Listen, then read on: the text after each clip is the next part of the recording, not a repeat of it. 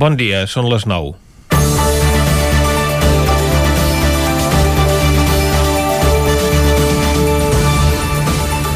Una lleugera millora de la situació epidemiològica amb el descens de pacients ingressats a l'hospital i a les UCI ha permès que Protecció Civil hagi decidit suavitzar lleugerament les mesures de confinament. A partir de dilluns, els bars i restaurants podran tancar una hora més tard en els torns d'esmorzar i dinar que fins ara tenien establerts. Una mesura que pot satisfer parcialment el sector perquè amb les restriccions que se'ls havia imposat des de després de les festes de Nadal es trobaven que en franges tan estretes d'obertura era complicat gestionar el flux de clients amb les mesures de distanciament i capacitat establertes. La novetat més rellevant és que el confinament passa de ser d'àmbit local a comarcal. Aquesta és una petició llargament reclamada, sobretot des de comarques rurals com el Ripollès, i el seu president va ser un dels abanderats a la causa i té tota la lògica perquè molts pobles són petits, no poden gaudir de tots els serveis essencials i els seus habitants s'han de traslladar d'un lloc a l'altre per qualsevol necessitat sense que representi un excessiu perill de contagi perquè la seva densitat de població és molt baixa. En canvi, no satisfà les aspiracions de l'Ajuntament de Barcelona, que fa dos mesos que demana un confinament metropolità perquè amb els comerços no essencials tancats els caps de setmana se'ls concentra la gent que passeja o fa esport en determinades zones de la ciutat. Però aquesta mesura també suposa un alleujament per l'activitat de cinemes i teatres de comarques que no podien sobreviure de cap manera amb el públic exclusivament local perquè tenen una dimensió que va més enllà del municipi i fins i tot de la comarca. Això permet almenys salvar la programació de l'Aldàntida de Vic, del Teatre Auditori de Granollers o del Comtal de Ripoll però encara més els de poblacions que no són capitals de comarca, com els teatres de Cardedeu, de Llinars o el Sirvianum, per citar-ne alguns. Un altre dels beneficis pel sector de la cultura serà per les llibreries, que fins ara no podien obrir els caps de setmana en ser considerats un servei no essencial, i també ho podran fer aquelles que superin els 400 metres quadrats, que és la màxima superfície amb què poden obrir els comerços que no són essencials. Aquests continuaran tancats al cap de setmana per evitar així aglomeracions als grans centres comercials, circumstància que, òbviament, no passa a les llibreries. També hi ha tímides reobertures al sector de l'esport. Els gimnasos podran tornar a obrir les amb les restriccions del 30% d'ocupació d'un mes enrere, mentre que també es reactivaran la setmana vinent les competicions esportives que donen accés a les lligues d'àmbit estatal, que són les que fins ara s'han estat disputant i, per tant, cal resoldre el sistema d'ascensos i descensos. Hi haurà especialistes que desconfiaran de l'aplicació d'aquestes mesures per poc que pugui tornar a pujar els casos diagnosticats, però tant de bo la situació permeti que això sigui l'inici d'una progressiva tornada a la normalitat perquè l'epidèmia recula, també gràcies a l'augment de persones immunitzades, encara que ara mateix el pla de vaccinació està encallat. Que almenys no es pugui dir que tot aquest alleujament de les mesures tingui a veure amb que diumenge hi ha eleccions i després ja hi tornarem a ser. Comencem Territori 17, a la sintonia del 9 FM, la veu de Sant Joan, Ona Codinenca, Ràdio Cardedeu i el 9 TV. Territori 17, amb Vicenç Vigues i Jordi Sunyer.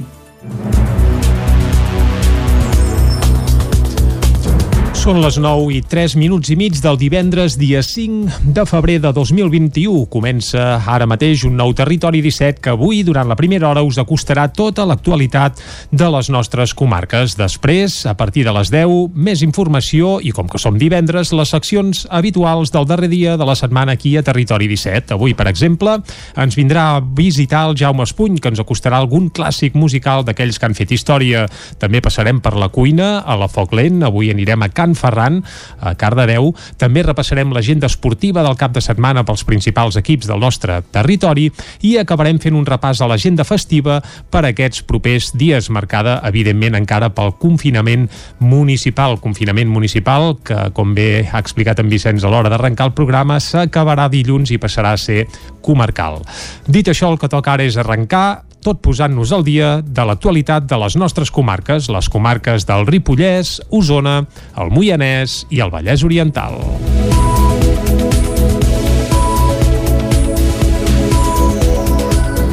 Les mesures per reduir el contagi de coronavirus s'alleugeran a partir de dilluns. El confinament perimetral tornarà a ser comarcal, mentre que l'horari de la restauració s'allargarà fins a dos quarts d'onze del matí per esmorzars i fins a dos quarts de cinc de la tarda per dinars. A l'àmbit del comerç, les llibreries tornaran a poder tornar a obrir al cap de setmana, mentre que en el sector de l'esport podran obrir els equipaments esportius amb un 30% de l'aforament. A més, es podran reprendre les competicions esportives que donen accés a les competicions estatals. Ho va explicar aquest dijous representants de Salut i Interior a partir de les dades que confirmen que s'està començant a deixar enrere el pic assistencial màxim i el pic epidèmic de la tercera onada de la pandèmia. Marc Ramentol és el secretari general del Departament de Salut. Si com quan van mal dades com a govern demanem als sectors, demanem als ciutadans que facin sacrificis importants, sacrificis que comporten afectacions econòmiques, afectacions socials, afectacions emocionals, quan l'epidèmia, gràcies a aquest compromís, gràcies a aquest sacrifici, entra en una situació de control, també hem de ser capaços de donar una mica d'aire, una mica d'aire en aquells sectors, en aquells àmbits que porten mesos, que porten setmanes aguantant el pes d'aquestes mesures. En matèria educativa es permetrà la docència teòrica presencial en el primer grau universitari com es fa en els cicles formatius. També podran obrir en format semipresencial les escoles de música i dansa que estiguin certificades pel Departament d'Educació. Continuen suspeses la resta d'extraescolars, a menys que estiguin organitzades pel propi centre educatiu respectant les bombolles. Aquest divendres finalitza el termini per sol·licitar el vot per correu. Les cues dels darrers dies a les portes de les oficines de correu per sol·licitar el vot o bé per remetre'l comencen a disminuir. Aquests dies l'oficina de Correus de Vic ha ampliat l'horari per fer front a l'increment de feina i té obert de 8 del matí a 9 del vespre i també els dissabtes al matí. El sistema de vot per correu també ha canviat per la pandèmia. Quan el carter fa arribar la documentació al domicili, el votant té l'opció de votar en aquell mateix moment. La gestió de l'entitat ha rebut crítiques per part d'algunes seccions de treballadors. Alerten que quan acudeixen a un domicili no tenen garanties per saber si la persona està en quarantena o bé si és positiva. I també han presentat queixes pel sistema de tancament dels sobres. A Vic, l'entitat recull també els vots de les oficines rurals. Assumpta Rovira és treballadora de Correus de Vic. Entre els que ens aporten els carters que han agafat del, sumis, del domicili, els que venen aquí a votar i a la vegada també hem de tramitar tots els vots de les oficines rurals d'aquí Vic i això genera un volum bastant, bastant important i, i també una mica com estressant també, eh? perquè la feina ha pujat molt. La por al contagi de coronavirus també ha canviat el perfil dels votants per correu. Ho expliquen Matilde Navarro i Manel Font. És per mi que voto per correu i ha estat motivat efectivament per la pandèmia. Si no vull anar allà a jugar a la loteria d'un virus, prefereixo venir aquí que hi ha menys gent.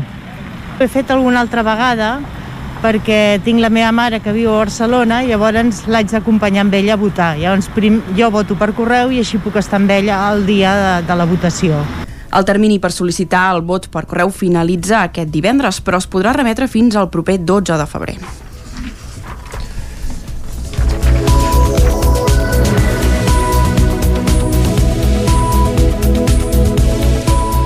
L'edifici de l'Espai Jove El Toc s'incorpora com a col·legi electoral a Caldes de Montbui el 14F. És un dels nous espais que substituiran els tres punts electorals que no poden garantir circuits d'entrada i sortida diferents. Caral Campàs, des d'Ona Codinenca.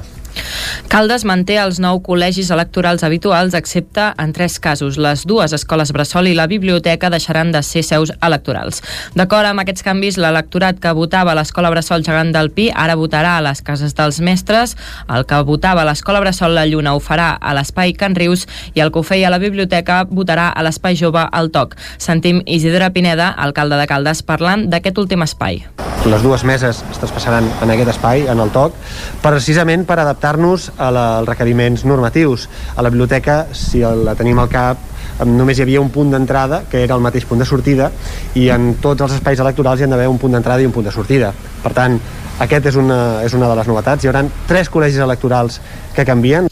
L'objectiu final d'aquestes modificacions és oferir locals que compleixin amb les mesures de seguretat Covid-19 indicades des de la Generalitat de Catalunya. Un altre canvi que s'ha introduït afecta el col·legi electoral de l'Institut Manoluguer en el que s'han habilitat dues entrades, una per l'Avinguda Fontcoberta en la que l'electorat entrarà pel pati i anirà a votar al gimnàs del centre i l'altra per l'entrada oficial del centre des d'on es dirigirà l'electorat cap als mòduls situats a l'esquerra d'aquesta entrada. A més, a les cases dels mestres habitualment l'espai de votació era a la sala del fons i aquest cop, a banda d'aquesta sala també hi haurà taula de votació a l'espai d'entitats. Les votacions del 14F a Cardedeu es centralitzen en distribució de col·legis electorals dins el complex esportiu al Patronat d'Esports Municipal. David Oladell, de Ràdio Televisió, Cardedeu. S'habiliten dues seus electorals, el pavelló municipal d'esports i la pista esportiva coberta del pavelló. En les circumstàncies actuals de pandèmia i per tal de complir amb les mesures de seguretat, les votacions del 14 de febrer a Cardedeu quedaran centralitzades en aquest complex esportiu del Patronat d'Esports, ubicat a l'Avinguda Jaume Campmajor. Les meses electorals estan repartides en dos espais. 12 aniran al pavelló municipal d'esports i les altres 9 meses electorals per arribar a les 21 estan ubicades a la pista esportiva coberta del complex. L'electorat que votava habitualment a l'Ajuntament i al Milenari haurà d'anar a votar al pavelló municipal d'esports accedint pel número 30 de l'Avinguda Jaume Campmajor. Pel que fa als votants que exercien el seu dret a vot a la Textil Rase, votaran a la pista esportiva coberta del pavelló municipal d'esports, accedint pel número 20 també de l'Avinguda Jaume Campmajor. La targeta censal especifica clarament quina és la seva electoral que correspon a cada votant.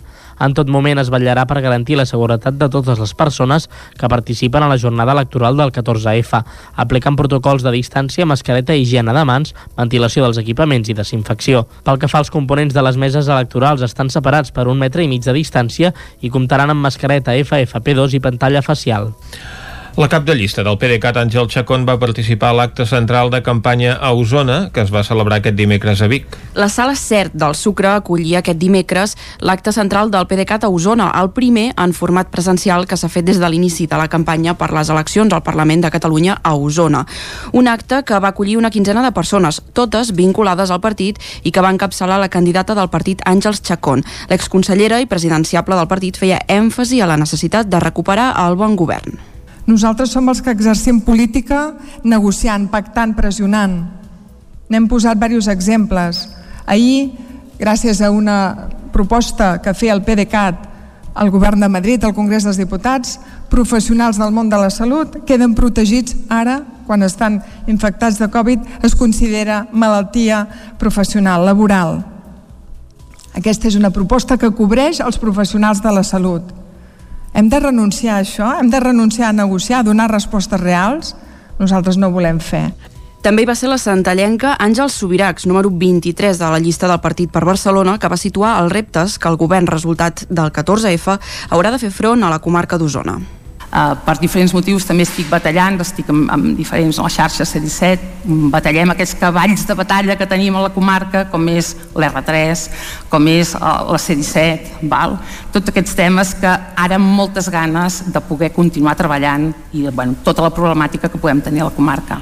Entre d'altres, l'acte va comptar amb la presència del president del PDeCAT, David Bonveí, el regidor biguetà Josep Arimany, l'alcalde d'Oristà, Marc Socarrats, o l'exalcalde de Vic, Josep Maria Vila de Badal. Esports.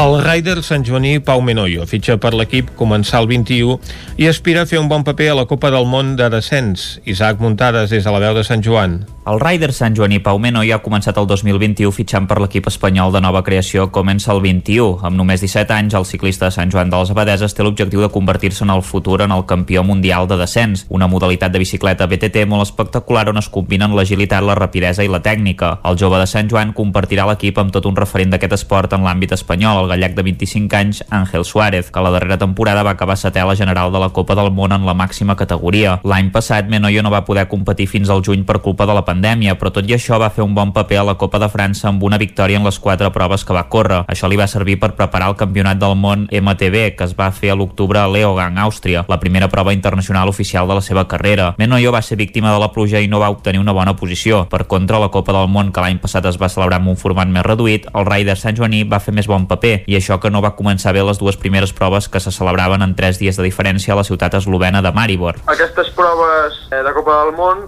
compten d'una classificatòria que determina l'ordre de sortida de la final. I a més a més, si no entres entre els 20 primers en aquesta classificatòria, no passes a la final. Llavors és, has d'anar ràpid. I a la primera Copa del Món que vaig fer, o sigui, a la primera cursa de, de la setmana, vaig classificar segon i estava molt content i tot això. I el dia següent, doncs, bueno, vaig pecar una mica d'aquesta poca experiència i suposo que entre l'emoció i tot això, doncs vaig caure, que vaig tindre una caiguda, potser perquè volia anar massa ràpid, o no ho sé. La, que ja era la segona carrera, no vaig tindre molt bona carrera i vaig quedar novè.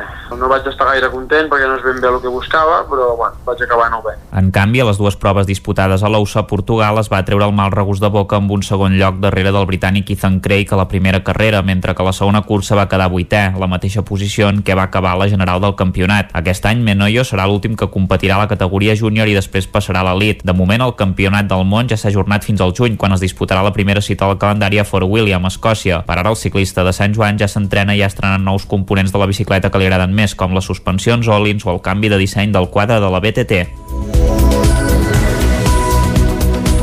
I fins aquí el butlletí informatiu que us hem ofert amb les veus de Vicenç Vigues, Meritxell Garriga, David Auladell, Caral Campàs i Isaac Muntades. Ara el que toca és fer una ullada al temps.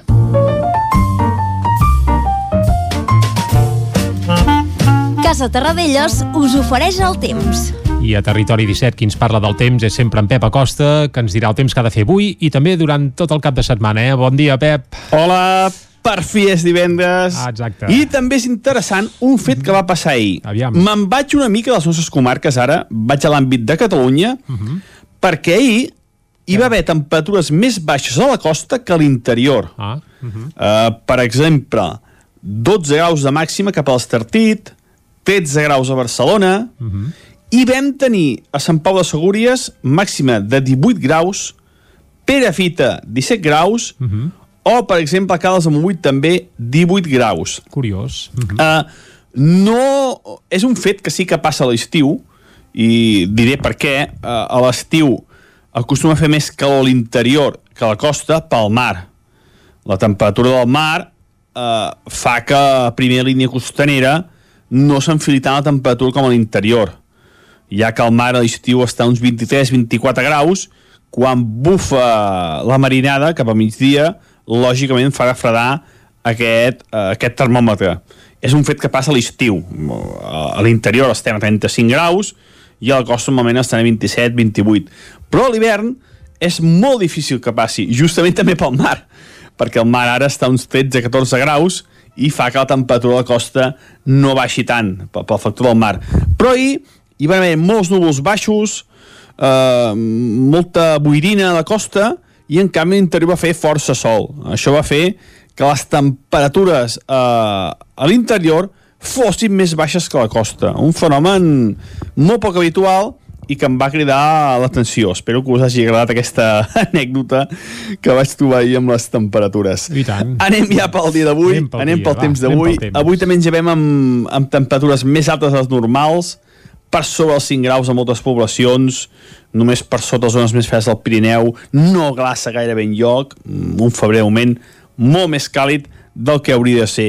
Això sí, tenim més núvols, i és que la pertorbació ens està afectant. Ha una pertorbació entre sud i oest que mica en mica es va apropant. Avui no deixarà pluja, com a molt quatre gotes espistades en alguna població, però molt poca cosa. El que s'hi deixarà són molts més núvols i unes temperatures més baixes que les d'ahir. Ahir vam superar els 20 graus gairebé en cap població de les nostres comarques. I avui les màximes tornaran a estar pels 16-17 graus com a molt. La temperatura serà més baixa, sobretot es notarà aquest descens, cap al Pirineu, que baixaran dels 15 graus les temperatures màximes. Demà, més inestabilitat, més núvols i a partir de la tarda alguna petita precipitació. Uh, sobretot on més plourà serà, serà a la cara sud del Pirineu.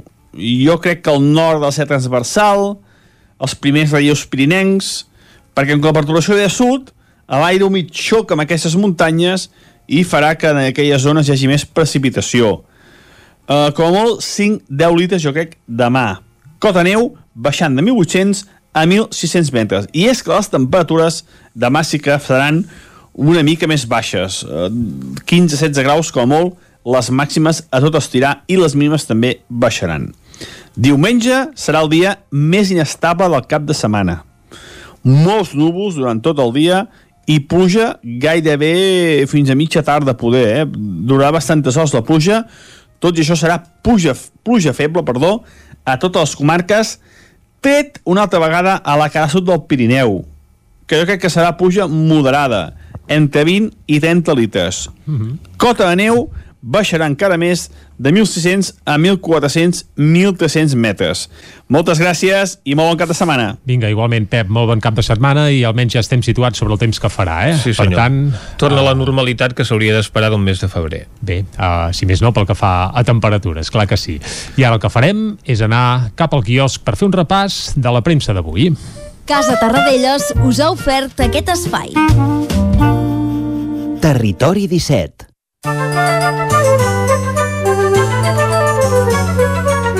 Comencem el recorregut per les portades dels diaris i, com cada divendres, Meritxell ho fem amb les portades del 9-9.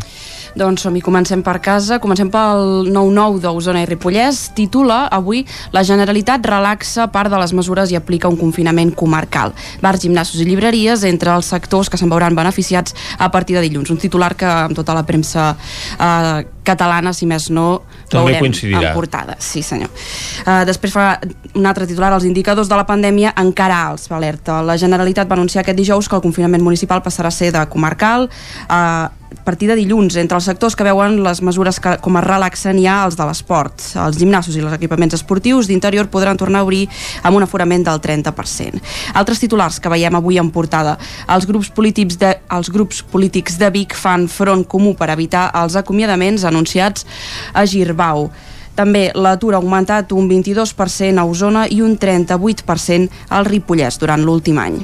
Si ens n'anem a la portada del 9-9 de Vallès Oriental, avui obren la jornada amb aquest titular. Decathlon obrirà a la botiga del centre de Granollers, que va abandonar Berska. La firma francesa arribarà al carrer Anselm Clavé amb el format de Decathlon City. El local que ocuparà aquesta marca, el número 33 del carrer Anselm Clavé, on s'iniciaran aviat les obres d'adequació, eh? en fan una...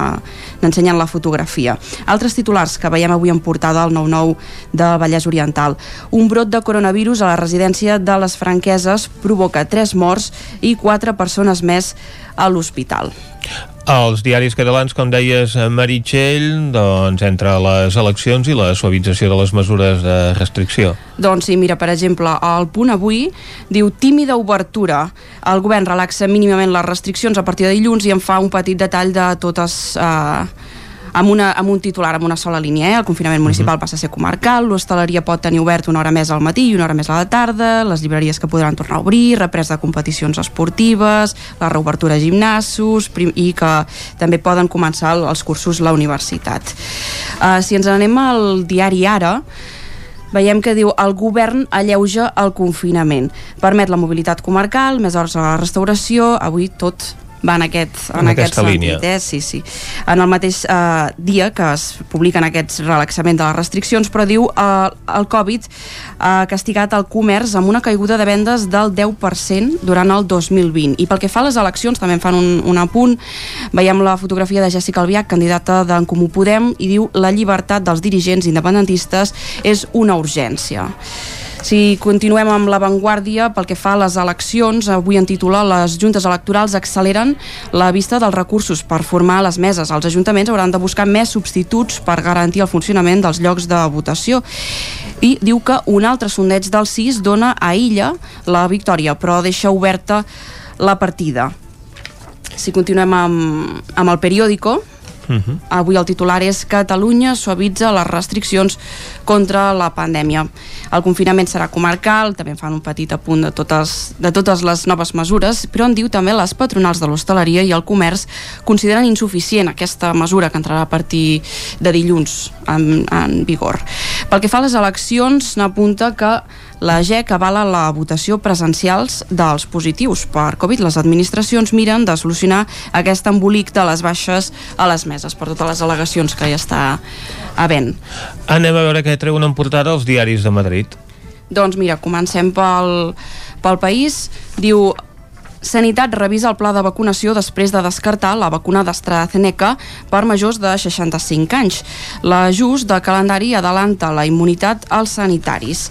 Pel que fa, avui també a les portades de Madrid no, no hi ha aquestes restriccions catalanes, però el que sí que veurem no. és o bé pandèmia o bé el que va saltar aquesta setmana sobre Bárcenas. El cas Bárcenas, sí. efectivament. En aquest sentit, diu, Bárcenas aportarà documents a altres dues causes contra el PP. Les acusacions de corrupció enfronten a Junts i Esquerra. Si continuem amb el diari El Mundo, diu, risc d'absentisme massiu al 14F. Un de cada quatre membres de les meses de Catalunya ja ha, pedir, eh, ha demanat no, no acudir a aquesta cita del, del 14F. Pel que fa a, les, uh, a, això que us apuntàvem ara, diu la Fiscalia dubta de Bárcenas i li exigirà que aporti proves sobre el que, el que ha anat apuntant aquesta setmana que hem anat veient. Uh -huh. El diari ABC avui diu, eh, ja veiem tota la portada ocupa una fotografia molt grossa d'una foto d'una urna que a dins inclou eh, uh, EPIs, aquests, uh, els materials aquests de protecció que hauran de portar els membres de la mesa per si hi ha gent que hi va a votar, uh, que pot tenir Covid o que està en quarantena. I diu la llau d'insumisos, el titular és la llau d'insumisos electoral a Catalunya. El 25% dels seleccionats per acudir a les meses s'hi neguen per por al coronavirus. Uh, I també fa un, un apunt de que el 6 de Tezanos atorga la victòria a Illa i augura una pujada de Junts i una frenada d'Esquerra Republicana. Doncs l'ABC que obre la seva portada amb el titular que hi ocupava la majoria de diaris catalans. Acabem el recorregut de la premsa amb la Razón. La Razón apunta avui als barons desconfien del pla de Gènova davant a Bárcenas.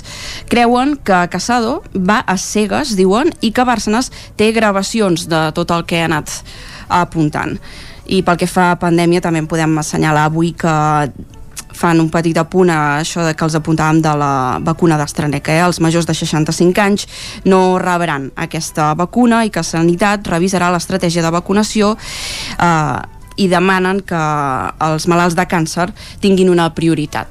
Tanquem aquí aquesta visita al quiosc i tanquem aquí aquest bloc informatiu.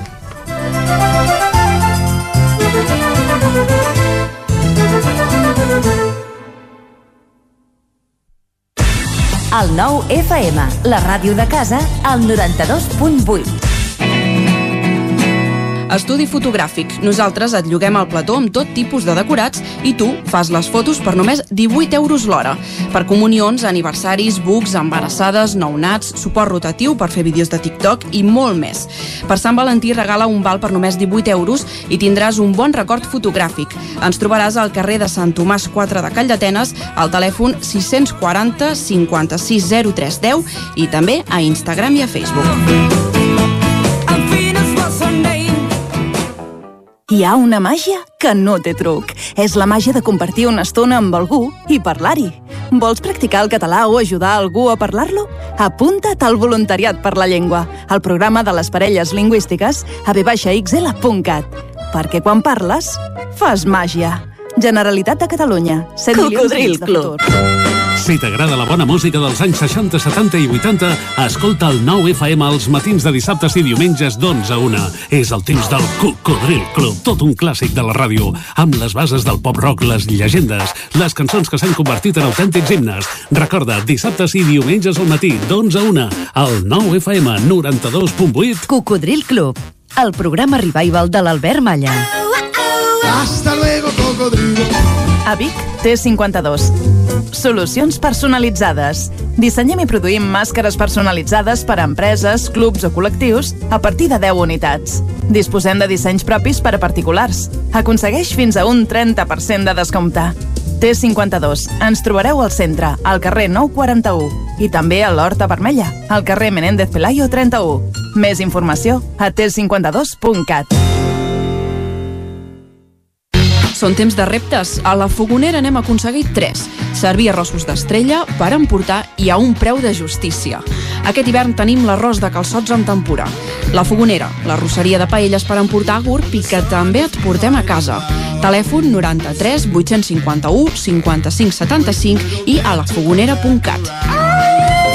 I quan cau la nit, Pupurri Culinari, solucions per sopar les nits de divendres i dissabte. Entra a pupurriculinari.cat i tria. Xalant, moda i complements. Més que rebaixes, nova secció tot a 10 euros. Moda home-dona, nen-nena, sabates, bosses de mà, maletes, complements i molt més.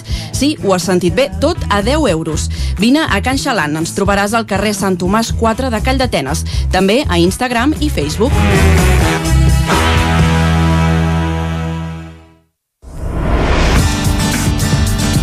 El nou FM. Territori 17, amb Vicenç Vigues i Jordi Sunyer.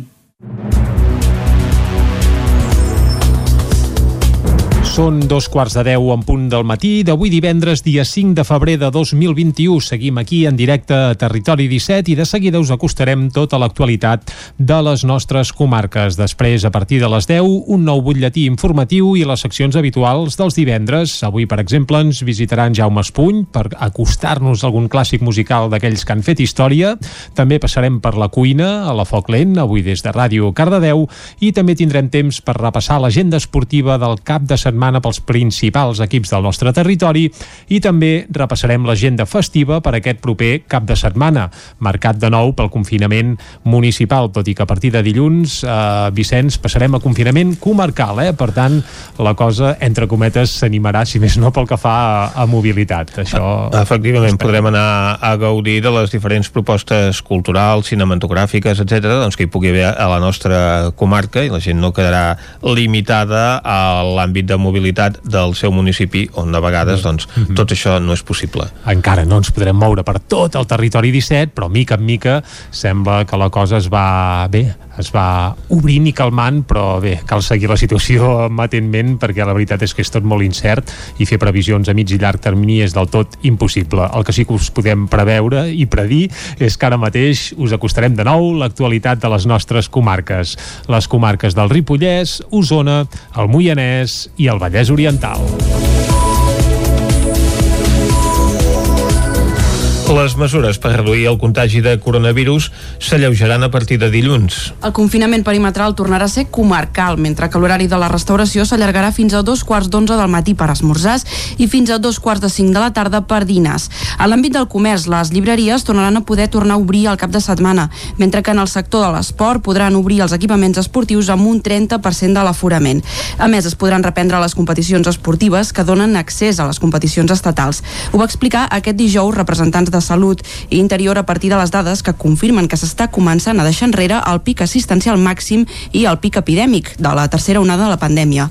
Marc Ramentol és el secretari general del Departament de Salut.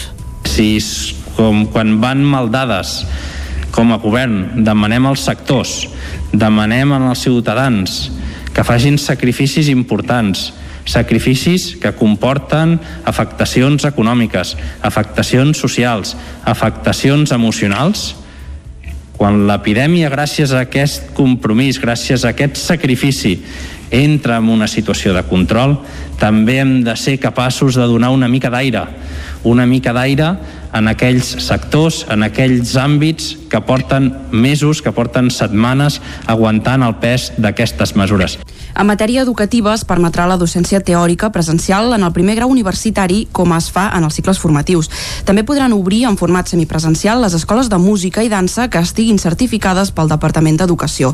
Continuen suspeses la resta d'extraescolars, a menys que estiguin organitzades pel propi centre educatiu respectant les bombolles. Aquest divendres finalitza el termini per sol·licitar el vot per correu. Les cues dels darrers dies a les portes de les oficines de correu per sol·licitar el vot o bé per remetre'l comencen a disminuir. Aquests dies l'oficina de Correus de Vic ha ampliat, l'horari per fer front a l'increment de feina i té obert de 8 del matí a 9 del vespre i també els dissabtes al matí. El sistema de vot per correu també ha canviat per la pandèmia. Quan el carter fa arribar la documentació al domicili, el votant té l'opció de votar en aquell mateix moment. La gestió de l'entitat ha rebut crítiques per part d'algunes seccions de treballadors. Alerten que quan acudeixen a un domicili no tenen garanties per saber si la persona està en quarantena o bé si és positiva. I també han presentat queixes pel sistema de tancament dels sobres. A Vic, l'entitat recull també els vots de les oficines rurals. Assumpta Rovira és treballadora de Correus de Vic.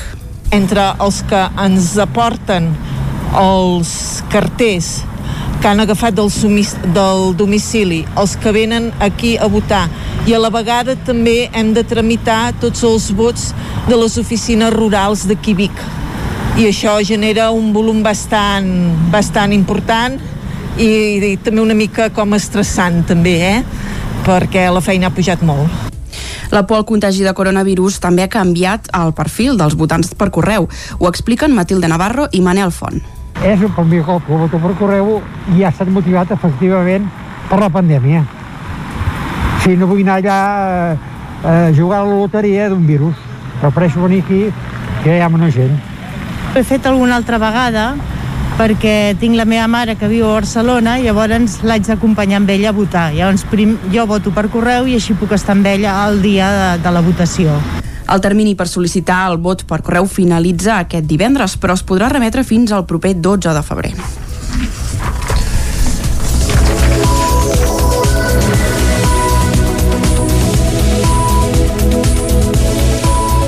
L'edifici de l'Espai Jove El Toc s'incorpora com a col·legi electoral a Caldes de Montbui el 14F. És un dels nous espais que substituiran els tres punts electorals que no poden garantir circuits d'entrada i sortida diferents. Caral Campàs, des d'Ona Codinenca. Caldes manté els nou col·legis electorals habituals, excepte en tres casos. Les dues escoles Bressol i la biblioteca deixaran de ser seus electorals. D'acord amb aquests canvis, l'electorat que votava a l'escola Bressol Gegant del Pi ara votarà a les cases dels mestres, el que votava a l'escola Bressol La Lluna ho farà a l'espai Can Rius i el que ho feia a la biblioteca votarà a l'espai jove al Toc. Sentim Isidora Pineda, alcalde de Caldes, parlant d'aquest últim espai. Les dues meses es traspassaran en aquest espai, en el Toc, precisament per adaptar-nos als requeriments normatius. A la biblioteca, si la tenim al cap, només hi havia un punt d'entrada, que era el mateix punt de sortida, i en tots els espais electorals hi han d'haver un punt d'entrada i un punt de sortida. Per tant, aquest és una, és una de les novetats. Hi haurà tres col·legis electorals que canvien. L'objectiu final d'aquestes modificacions és oferir locals que compleixin amb les mesures de seguretat Covid-19 indicades des de la Generalitat de Catalunya. Un altre canvi que s'ha introduït afecta el col·legi electoral de l'Institut Manol Huguer, en el que s'han habilitat dues entrades, una per l'Avinguda Fontcoberta, en la que l'electorat entrarà pel pati i anirà a votar al gimnàs del centre, i l'altra per l'entrada oficial del centre, des d'on es dirigirà l'electorat cap als mòduls situats a l'esquerra d'aquesta entrada. A més, a les cases dels mestres, habitualment l'espai de votació era a la sala del fons i aquest cop, a banda d'aquesta sala, també hi haurà taula de votació a l'espai d'entitats. Les votacions del 14F a Cardedeu es centralitzen en distribució de col·legis electorals dins el complex esportiu al Patronat d'Esports Municipal. David Oladell, de Ràdio Televisió, Cardedeu. S'habiliten dues seus electorals, el pavelló municipal d'esports i la pista esportiva coberta del pavelló. En les circumstàncies actuals de pandèmia i per tal de complir amb les mesures de seguretat, les votacions del 14 de febrer a Cardedeu quedaran centralitzades en aquest complex esportiu del Patronat d'Esports, ubicat a l'Avinguda Jaume Campmajor. Les meses electorals estan repartides en dos espais. 12 aniran al pavelló municipal d'esports i les altres 9 meses electorals per arribar a les 21 estan ubicades a la pista esportiva coberta del complex. L'electorat que votava habitualment a l'Ajuntament i al Milenari haurà d'anar a votar al pavelló municipal d'esports accedint pel número 30 de l'Avinguda Jaume Campmajor. Pel que fa als votants que exercien el seu dret a vot a la Textil Rase, votaran a la pista esportiva coberta del pavelló municipal d'esports, accedint pel número 20 també de l'Avinguda Jaume Campmajor. La targeta censal especifica clarament quina és la seva electoral que correspon a cada votant. En tot moment es vetllarà per garantir la seguretat de totes les persones que participen a la jornada electoral del 14F, aplicant protocols de distància, mascareta i higiene de mans, ventilació dels equipaments i desinfecció. Pel que fa als components de les meses electorals, estan separats per un metre i mig de distància i comptaran amb mascareta FFP2 i pantalla facial. La cap de llista del PDeCAT, Àngel Chacón, va participar a l'acte central de campanya a Osona, que es va celebrar aquest dimecres a Vic. La sala CERT del Sucre acollia aquest dimecres l'acte central del PDeCAT a Osona, el primer en format presencial que s'ha fet des de l'inici de la campanya per les eleccions al Parlament de Catalunya a Osona. Un acte que va acollir una quinzena de persones, totes vinculades al partit i que va encapçalar la candidata del partit Àngels Chacón. L'exconsellera i presidenciable del partit feia èmfasi a la necessitat de recuperar el bon govern. Nosaltres som els que exercim política negociant, pactant, pressionant. N'hem posat diversos exemples. Ahir, gràcies a una proposta que feia el PDeCAT al govern de Madrid, al Congrés dels Diputats, professionals del món de la salut queden protegits ara, quan estan infectats de Covid, es considera malaltia professional, laboral. Aquesta és una proposta que cobreix els professionals de la salut. Hem de renunciar a això? Hem de renunciar a negociar, a donar respostes reals? Nosaltres no volem fer. També va ser la santallenca Àngels Subiracs, número 23 de la llista del partit per Barcelona, que va situar els reptes que el govern resultat del 14F haurà de fer front a la comarca d'Osona. Uh, per diferents motius també estic batallant, estic amb, amb diferents no, xarxes C17, mm, batallem aquests cavalls de batalla que tenim a la comarca, com és l'R3, com és uh, la C17, val? tots aquests temes que ara amb moltes ganes de poder continuar treballant i de, bueno, tota la problemàtica que podem tenir a la comarca. Entre d'altres, l'acte va comptar amb la presència del president del PDeCAT, David Bonveí, el regidor biguetà Josep Arimany, l'alcalde d'Oristà, Marc Socarrats, o l'exalcalde de Vic, Josep Maria Vila de Badal. Esports. El Ryder Sant Joaní Pau Menoyo fitxa per l'equip començar el 21 i aspira a fer un bon paper a la Copa del Món de descens. Isaac Muntades des de la veu de Sant Joan. El Ryder Sant Joaní Pau Menoyo ha començat el 2021 fitxant per l'equip espanyol de nova creació Comença el 21. Amb només 17 anys, el ciclista de Sant Joan de les Abadeses té l'objectiu de convertir-se en el futur en el campió mundial de descens, una modalitat de bicicleta BTT molt espectacular on es combinen l'agilitat, la rapidesa i la tècnica. El jove de Sant Joan compartirà l'equip amb tot un referent d'aquest esport en l'àmbit espanyol, el gallec de 25 anys, Àngel Suárez, que la darrera temporada va acabar setè a la general de la Copa del Món en la màxima categoria. L'any passat, Menoyo no va poder competir fins al juny per culpa de la pandèmia, però tot i això va fer un bon paper a la Copa de França amb una victòria en les quatre proves que va córrer. Això li va servir per preparar el Campionat del Món MTB, que es va fer a l'octubre a Leogang, Àustria, la primera prova internacional oficial de la seva carrera. Menoyo va ser víctima de la pluja i no va obtenir una bona posició. Per contra, la Copa del Món, que l'any passat es va celebrar amb un format més reduït, el Ryder Sant Joaní va fer més bon paper, i això que no va començar bé les dues primeres proves que se celebraven en tres dies de diferència a la ciutat eslovena de Maribor. Aquestes proves eh, de Copa del Món compten d'una classificatòria que determina l'ordre de sortida de la final. I a més a més, si no entres entre els 20 primers en aquesta classificatòria, no passes a la final. Llavors és, has d'anar ràpid. I a la primera Copa del Món que vaig fer, o sigui, a la primera cursa de la setmana, vaig classificar segon i estava molt content i tot això. I el dia següent, doncs, bueno, vaig pecar una mica d'aquesta poca experiència i suposo que entre l'emoció i tot això, doncs vaig caure, que vaig tindre una caiguda. Potser perquè volia anar massa ràpid o no ho sé. La, que ja era la segona carrera, no vaig tindre molt bona carrera i vaig quedar novè. No vaig estar gaire content perquè no és ben bé el que buscava, però bueno, vaig acabar novè. En canvi, a les dues proves disputades a l'OUSA, Portugal es va treure el mal regust de boca amb un segon lloc darrere del britànic Ethan Craig a la primera carrera, mentre que la segona cursa va quedar vuitè, la mateixa posició en què va acabar la general del campionat. Aquest any Menoyo serà l'últim que competirà a la categoria júnior i després passarà a l'elit. De moment, el campionat del món ja s'ha ajornat fins al juny, quan es disputarà la primera cita al calendari a Fort William, Escòcia. Per ara, el ciclista de Sant Joan ja s'entrena i ja estrenant nous components de la bicicleta que li agraden més, com les suspensions, olins o el canvi de disseny del quadre de la BTT. I fins aquí el butlletí informatiu que us hem ofert amb les veus de Vicenç Vigues, Meritxell Garriga, David Auladell, Caral Campàs i Isaac Muntades. Ara el que toca és fer una ullada al temps.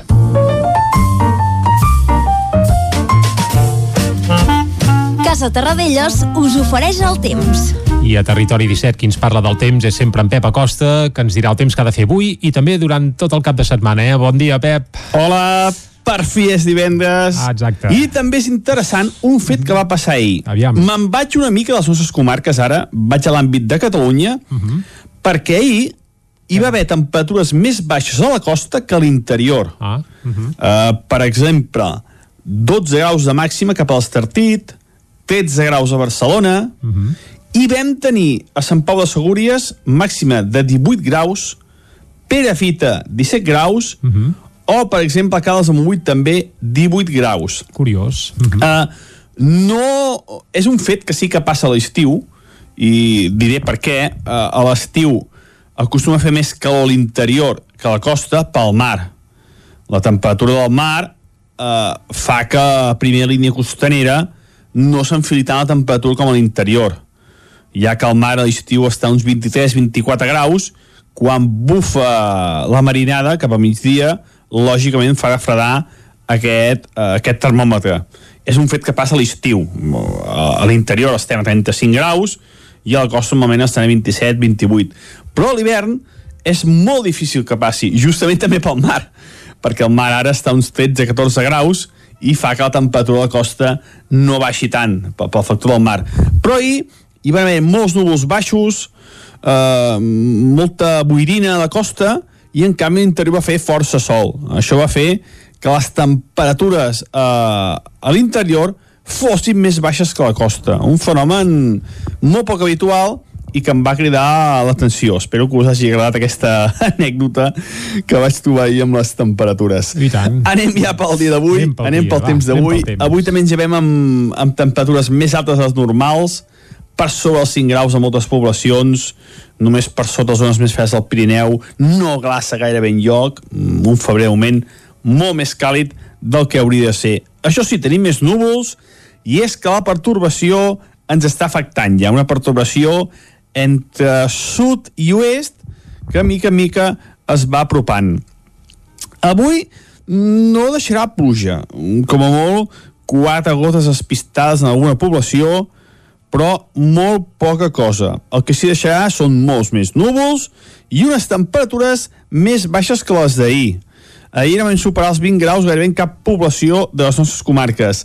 I avui les màximes tornaran a estar pels 16-17 graus com a molt. La temperatura serà més baixa, sobretot es notarà aquest descens cap al Pirineu, que baixaran dels 15 graus les temperatures màximes. Demà, més inestabilitat, més núvols i a partir de la tarda alguna petita precipitació. Uh, sobretot on més plourà serà, serà a la cara sud del Pirineu. Jo crec que al nord del ser transversal, els primers relleus pirinencs, perquè amb la perturbació de sud, l'aire humit xoca amb aquestes muntanyes i farà que en aquelles zones hi hagi més precipitació. Uh, com a molt, 5-10 litres, jo crec, demà. Cota neu baixant de 1.800 a 1.600 metres. I és que les temperatures demà sí que seran una mica més baixes. Uh, 15-16 graus, com a molt, les màximes a tot estirar i les mínimes també baixaran. Diumenge serà el dia més inestable del cap de setmana. Molts núvols durant tot el dia i pluja gairebé fins a mitja tarda poder, eh? Durarà bastantes hores la pluja, tot i això serà pluja, pluja feble, perdó, a totes les comarques, tret una altra vegada a la cara sud del Pirineu, que jo crec que serà pluja moderada, entre 20 i 30 litres. Cota de neu baixarà encara més de 1.600 a 1.400, 1.300 metres. Moltes gràcies i molt bon cap de setmana. Vinga, igualment, Pep, molt bon cap de setmana i almenys ja estem situats sobre el temps que farà, eh? Sí, per senyor. tant... Torna a la normalitat que s'hauria d'esperar d'un mes de febrer. Bé, uh, si més no, pel que fa a temperatures, clar que sí. I ara el que farem és anar cap al quiosc per fer un repàs de la premsa d'avui. Casa Tarradellas us ha ofert aquest espai. Territori 17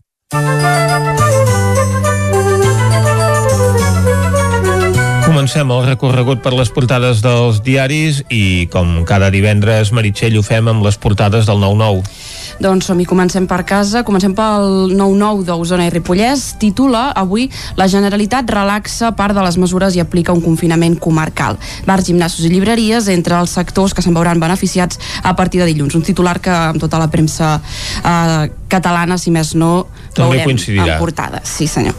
Uh, després fa un altre titular, els indicadors de la pandèmia encara alts, va alerta. La Generalitat va anunciar aquest dijous que el confinament municipal passarà a ser de comarcal uh, a partir de dilluns. Entre els sectors que veuen les mesures que, com es relaxen hi ha els de l'esport. Els gimnasos i els equipaments esportius d'interior podran tornar a obrir amb un aforament del 30%. Altres titulars que veiem avui en portada. Els grups polítics de, els grups polítics de Vic fan front comú per evitar els acomiadaments anunciats a Girbau.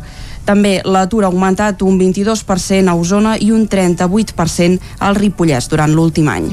Si ens n'anem a la portada del 9-9 de Vallès Oriental, avui obren la jornada amb aquest titular. Decathlon obrirà a la botiga del centre de Granollers, que va abandonar Berska. La firma francesa arribarà al carrer Anselm Clavé amb el format de Decathlon City.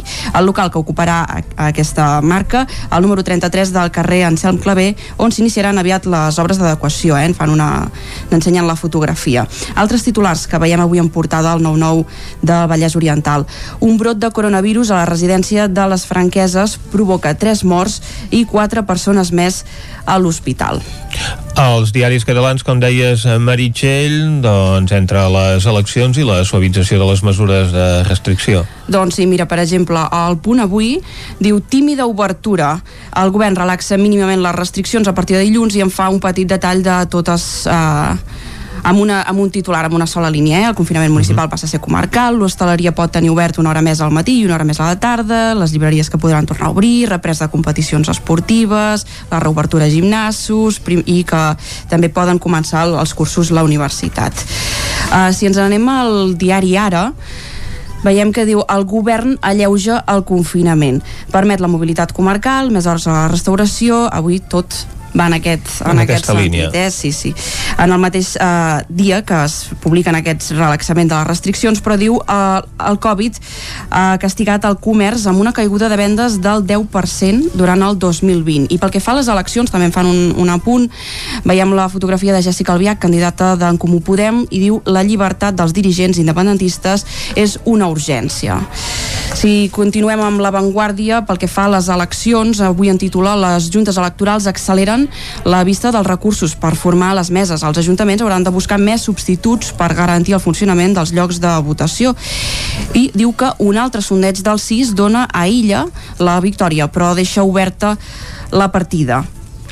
Si continuem amb, amb el periòdico, Avui el titular és Catalunya suavitza les restriccions contra la pandèmia. El confinament serà comarcal, també fan un petit apunt de totes, de totes les noves mesures, però en diu també les patronals de l'hostaleria i el comerç consideren insuficient aquesta mesura que entrarà a partir de dilluns en, en vigor. Pel que fa a les eleccions, n'apunta que la GEC avala la votació presencials dels positius per Covid. Les administracions miren de solucionar aquest embolic de les baixes a les meses per totes les al·legacions que hi està havent. Anem a veure què treuen en portada els diaris de Madrid. Doncs mira, comencem pel, pel país. Diu, Sanitat revisa el pla de vacunació després de descartar la vacuna d'AstraZeneca per majors de 65 anys. L'ajust de calendari adelanta la immunitat als sanitaris. Pel que fa, avui també a les portades de Madrid no, no hi ha aquestes restriccions catalanes, però el que sí que veurem és o bé pandèmia o bé el que va saltar aquesta setmana sobre Bárcenas. El cas Bárcenas, sí. efectivament. En aquest sentit, diu, Bárcenas aportarà documents a altres dues causes contra el PP. Les acusacions de corrupció enfronten a Junts i Esquerra. Si continuem amb el diari El Mundo, diu, risc d'absen- d'absentisme massiu al 14F. Un de cada quatre membres de les meses de Catalunya ja ha, eh, ha demanat no, no acudir a aquesta cita del, del 14F. Pel que fa a, les, uh, a, a això que us apuntàvem ara, diu la Fiscalia dubta de Bárcenas i li exigirà que aporti proves sobre el que, el que ha anat apuntant aquesta setmana que hem anat veient. El diari ABC avui diu, eh, ja veiem eh, tota la portada ocupa una fotografia molt grossa d'una foto d'una urna que a dins inclou eh, uh, EPIs, aquests, uh, els materials aquests de protecció que hauran de portar els membres de la mesa per si hi ha gent que hi va a votar uh, que pot tenir Covid o que està en quarantena. I diu la llau d'insumisos, el titular és la llau d'insumisos electoral a Catalunya el 25% dels seleccionats per acudir a les meses s'hi neguen per por al coronavirus.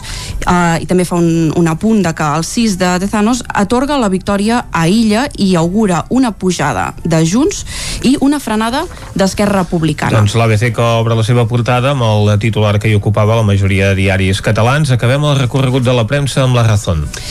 La Razón apunta avui els barons desconfien del pla de Gènova davant a Bàrcenes. Creuen que Casado va a cegues, diuen, i que Bàrcenes té gravacions de tot el que ha anat apuntant. I pel que fa a pandèmia també en podem assenyalar avui que fan un petit apunt a això que els apuntàvem de la vacuna d'AstraZeneca. Eh? Els majors de 65 anys no rebran aquesta vacuna i que Sanitat revisarà l'estratègia de vacunació eh, i demanen que els malalts de càncer tinguin una prioritat. Tanquem aquí aquesta visita al quiosc i tanquem aquí aquest bloc informatiu. Doncs vinga, bloc informatiu tancat. Em feia gràcia això del Bàrcenes, així a, a, a, la, a, a la catalana, eh, que, que deia la, que diu la Txell, vaja, a la Meritxell Garriga. Uh, per cert, a partir de dilluns pot ser interessant, eh? Aviam què va dient el Bàrcenes A veure què diu. allà a l'Audiència Nacional, és a dir... Però esclar, si la Fiscalia no se'l creu, perquè la Fiscalia segons Ah, que sí, sí, que s'ho no, creu esclar, i segons evident. que no s'ho creu i fins i tot si convé i s'ha de ressuscitar algun cas que tenim entre mans contra determinats col·lectius doncs es ressuscita encara que hi hagi dos tribunals que ja l'hagin arxivat Bé, sigui com sigui, a partir de dilluns segur que ens distraurem. Però aquí el que ens agrada és distreure'ns amb música, que és una cosa bastant més agraïda, i avui eh, anirem cap a Cardedeu.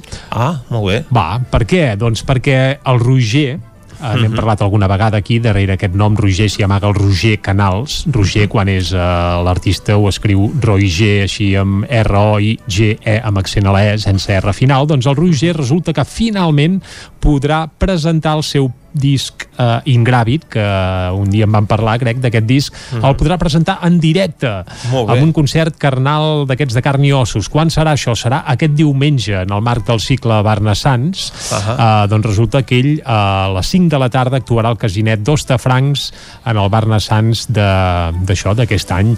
I això, com que és una molt bona notícia, nosaltres el que farem és acostar-vos una de les cançons del seu darrer disc, Ingràvid, per tal que en gaudim tots plegats, i si podeu, clar, si no sou de Barcelona no podreu, eh? De Cardedeu no feu trampa, eh?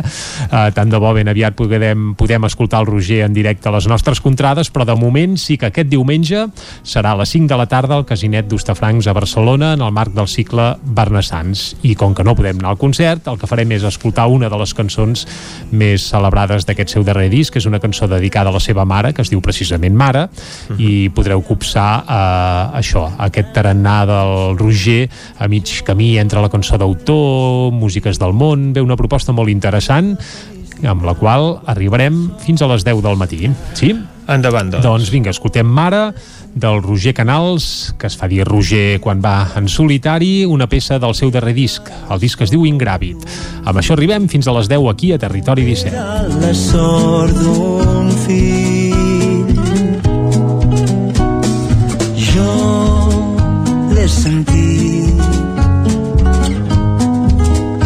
Sempre aquí de dia i nit dorm el seu fill.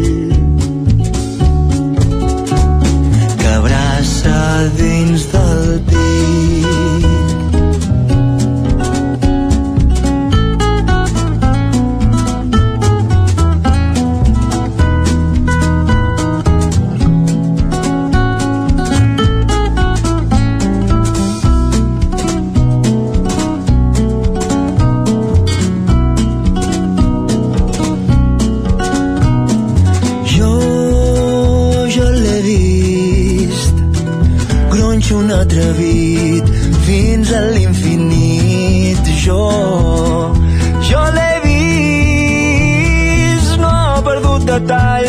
de com s'ha anat fent gran.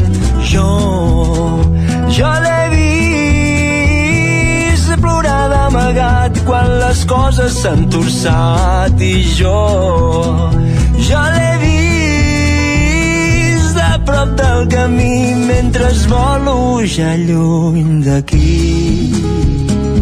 Volo ja lluny d'aquí.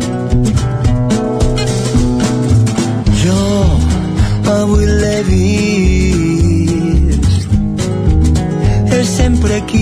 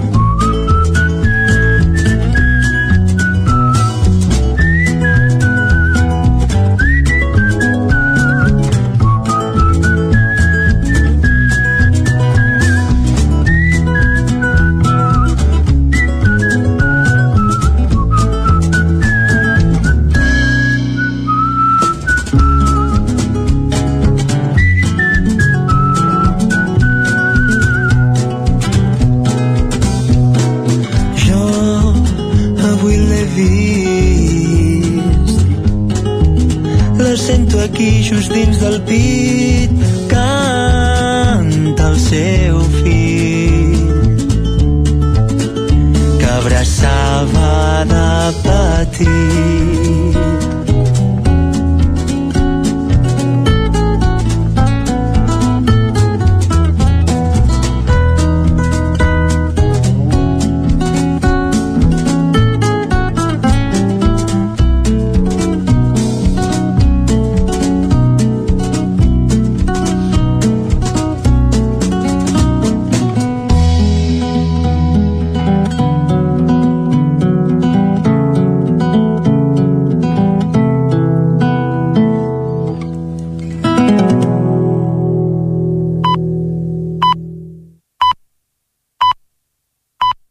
Formació de les nostres comarques, les comarques del Ripollès, Osona, el Moianès i el Vallès Oriental.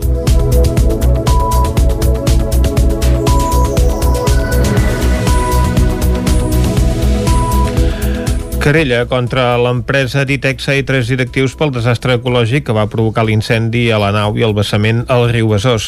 David Oladell, de Ràdio Televisió, Cardedeu. La Fiscalia veu indicis de delicte a l'accident de la planta d'Idexa de Montornès d'ara fa dos anys. Per aquest motiu han interposat una querella davant el jutjat d'instrucció de Guàrdia de Granollers.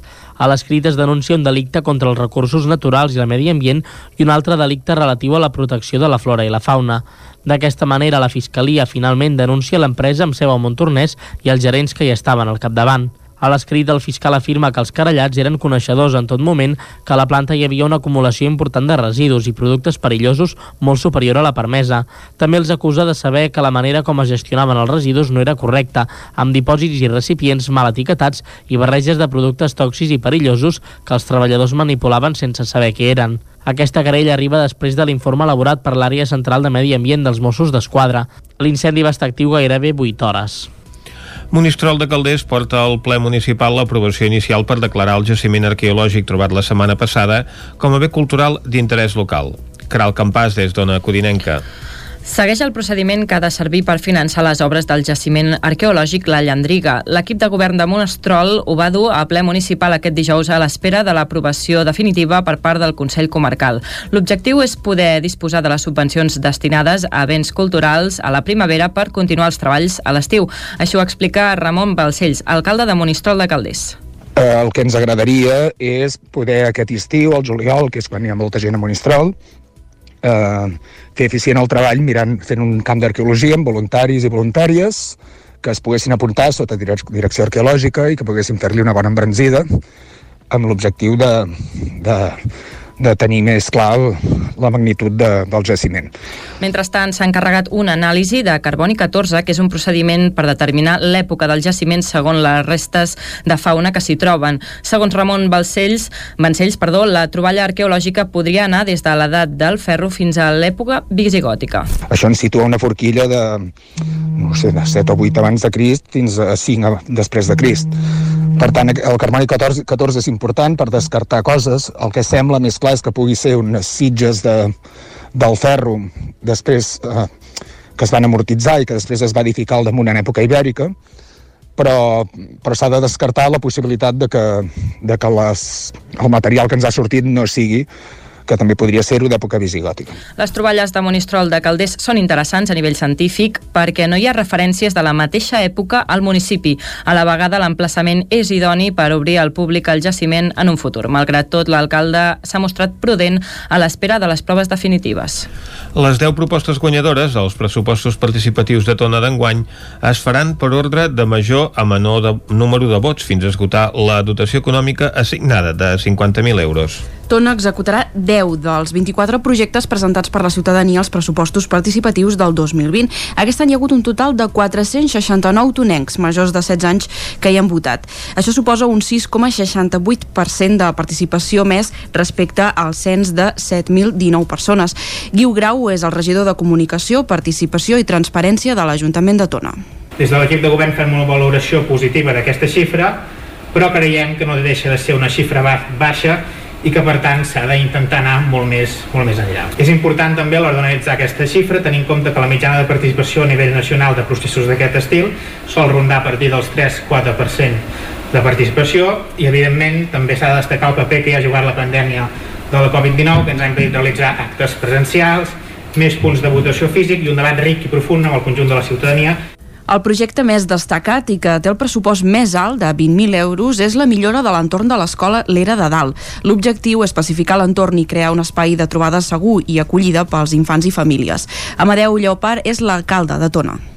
Pacificar l'entorn d'una escola, això vol dir amb reducció de trànsit, de zona d'aparcament, amb prioritat pels vianants, i per tant D'aquesta manera, fer que aquests espais públics hi guanyin com a llocs de trobada segurs i acollidors és, sens dubte, positiu per a la ciutadania en general.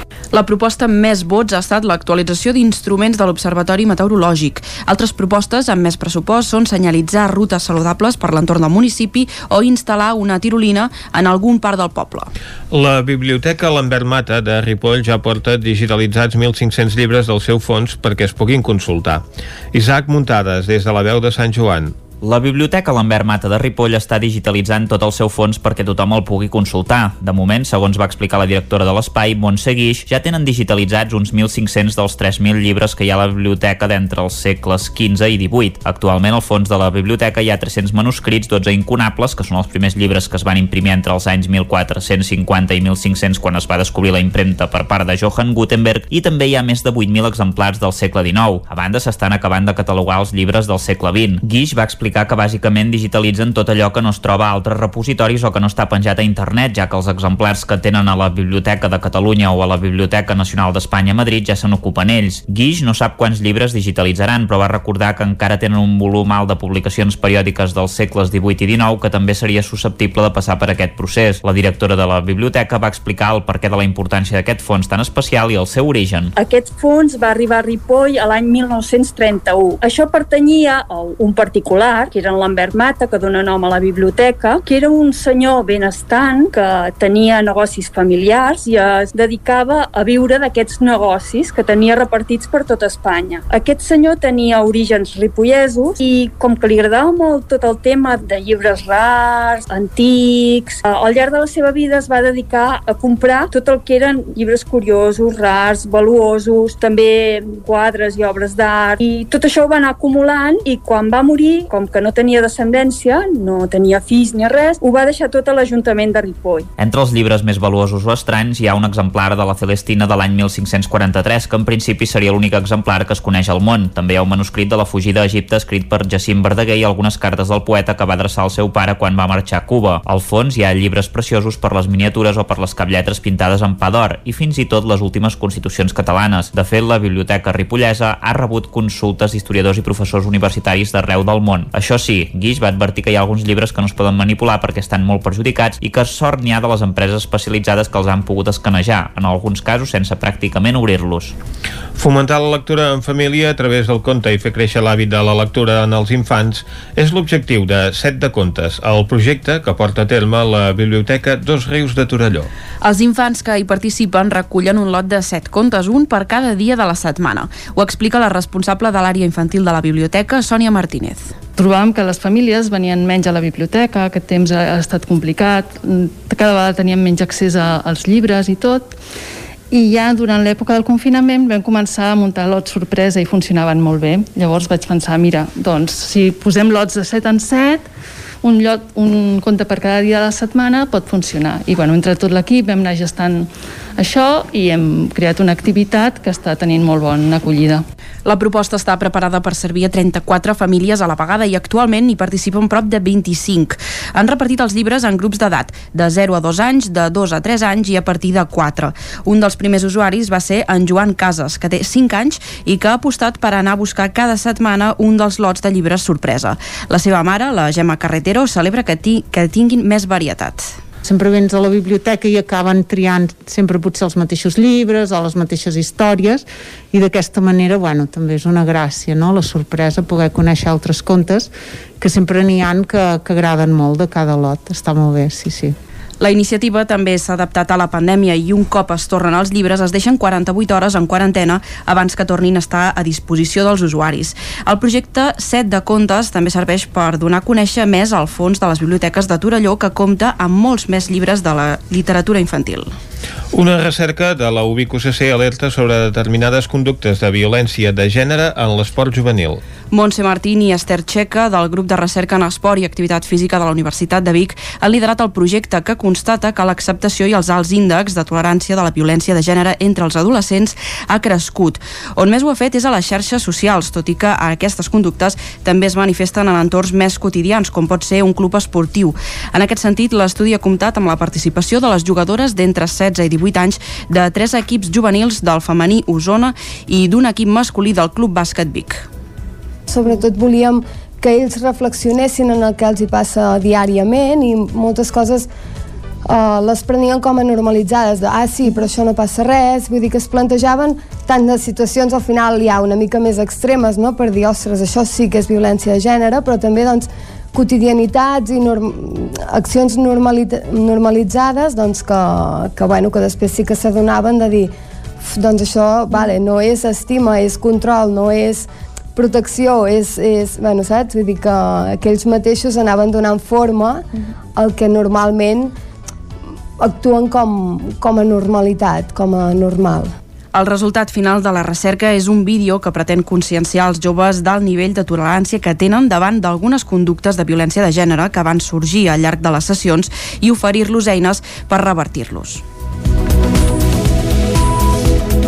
I fins aquí el butlletí informatiu de les 10 del matí que us hem ofert amb les veus de Vicenç Vigues, Meritxell Garriga, David Auladell, Caral Campàs i Isaac Muntades. I ara el que ens toca és acostar-vos de nou la informació meteorològica per saber el temps que ens espera tant per avui com per tot el cap de setmana.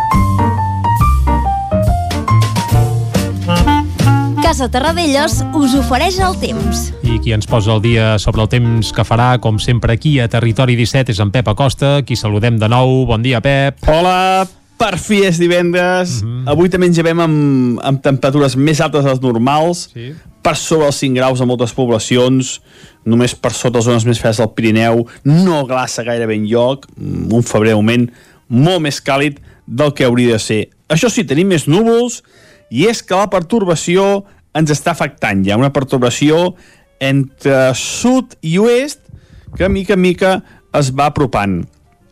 Avui no deixarà pluja, com a molt quatre gotes espistades en alguna població, però molt poca cosa. El que s'hi deixarà són molts més núvols i unes temperatures més baixes que les d'ahir.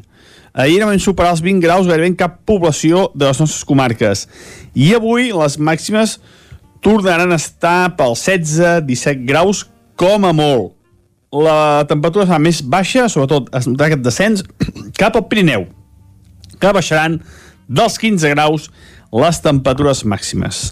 Demà, més inestabilitat, més núvols i a partir de la tarda alguna petita precipitació. Eh, sobretot on més plourà serà, serà a la cara sud del Pirineu. Jo crec que al nord del ser transversal, els primers relleus pirinencs, perquè amb la perturbació de sud, l'aire humit xoca amb aquestes muntanyes i farà que en aquelles zones hi hagi més precipitació. Uh, com a molt, 5-10 litres, jo crec, demà. Cota neu baixant de 1.800 a 1.600 metres. I és que les temperatures demà sí que seran una mica més baixes. Uh, 15-16 graus, com a molt, les màximes a tot estirar i les mínimes també baixaran. Diumenge serà el dia més inestable del cap de setmana. Molts núvols durant tot el dia i pluja gairebé fins a mitja tarda poder, eh? Durarà bastantes hores la pluja, tot i això serà pluja, pluja feble, perdó, a totes les comarques, tret una altra vegada a la cara sud del Pirineu, que jo crec que serà pluja moderada, entre 20 i 30 litres. Cota de neu baixarà encara més de 1.600 a 1.400, 1.300 metres. Moltes gràcies i molt bon cap de setmana. Vinga, gràcies, Pep. El diumenge ja veiem que ens arribarà remullat i Vicenç ens parlava de temperatures més altes del normal en Pep Acosta avui uh, i home, volem saber Sant Sadurní d'Usor mort el nostre poble mític Fetitxe, sí, uh, senyor. si avui ha glaçat o no uh, tenint en compte que les temperatures són força més altes del que és habitual, pot ser que no hagi gelat avui a Sant Sadurní? Avui les mínimes en general han estat una mica més altes que ahir, però eh, també els punts on feia més calor aquests últims dies no ha pujat tant on ha baixat menys el termòmetre que no pas aquestes últimes nits per exemple, el punt pràcticament més càlid, 7 graus i mig de mínima a Molló, Mm -hmm. que aviat és dit. Però responent a la teva pregunta, a Sant Sadurní d'Usor Aquí, aquí. Mort, efectivament, avui ha tornat a glaçar eh, unes dècimes eh, el, el termòmetre doncs ha pujat un grau més de mínima que no pas ahir, o pràcticament un grau però tot i això, a Sant Sadurní d'Usormort continua glaçant. S'hi han acostat a Sant Pau de Segúries amb un grau positiu dos i mig a Sant Martí Sescorts, al voltant de 3 graus de mínima en zones com Sora, Malla, Roda, Tavèrnoles o Ull de Ter, 3 graus i mig de mínima i 4 graus de mínima a Núria. Molt bé, ja estem situats. Ara ja Exacte. podem anar tranquil·lament cap a Sant Joan de les Abadesses. Sí senyor, perquè allà no glaça. Allà no glaça. Doncs vinga, ens hi capbussem a l'entrevista. Fins ara. Casa Tarradellas us ha ofert aquest espai. Territori 17. Envia'ns les teves notes de veu per WhatsApp al 646 079 023. 646 079 023. WhatsApp Territori 17.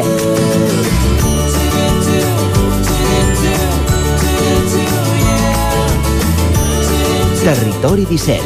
Som a Facebook, Twitter i Instagram amb l'usuari Territori 17.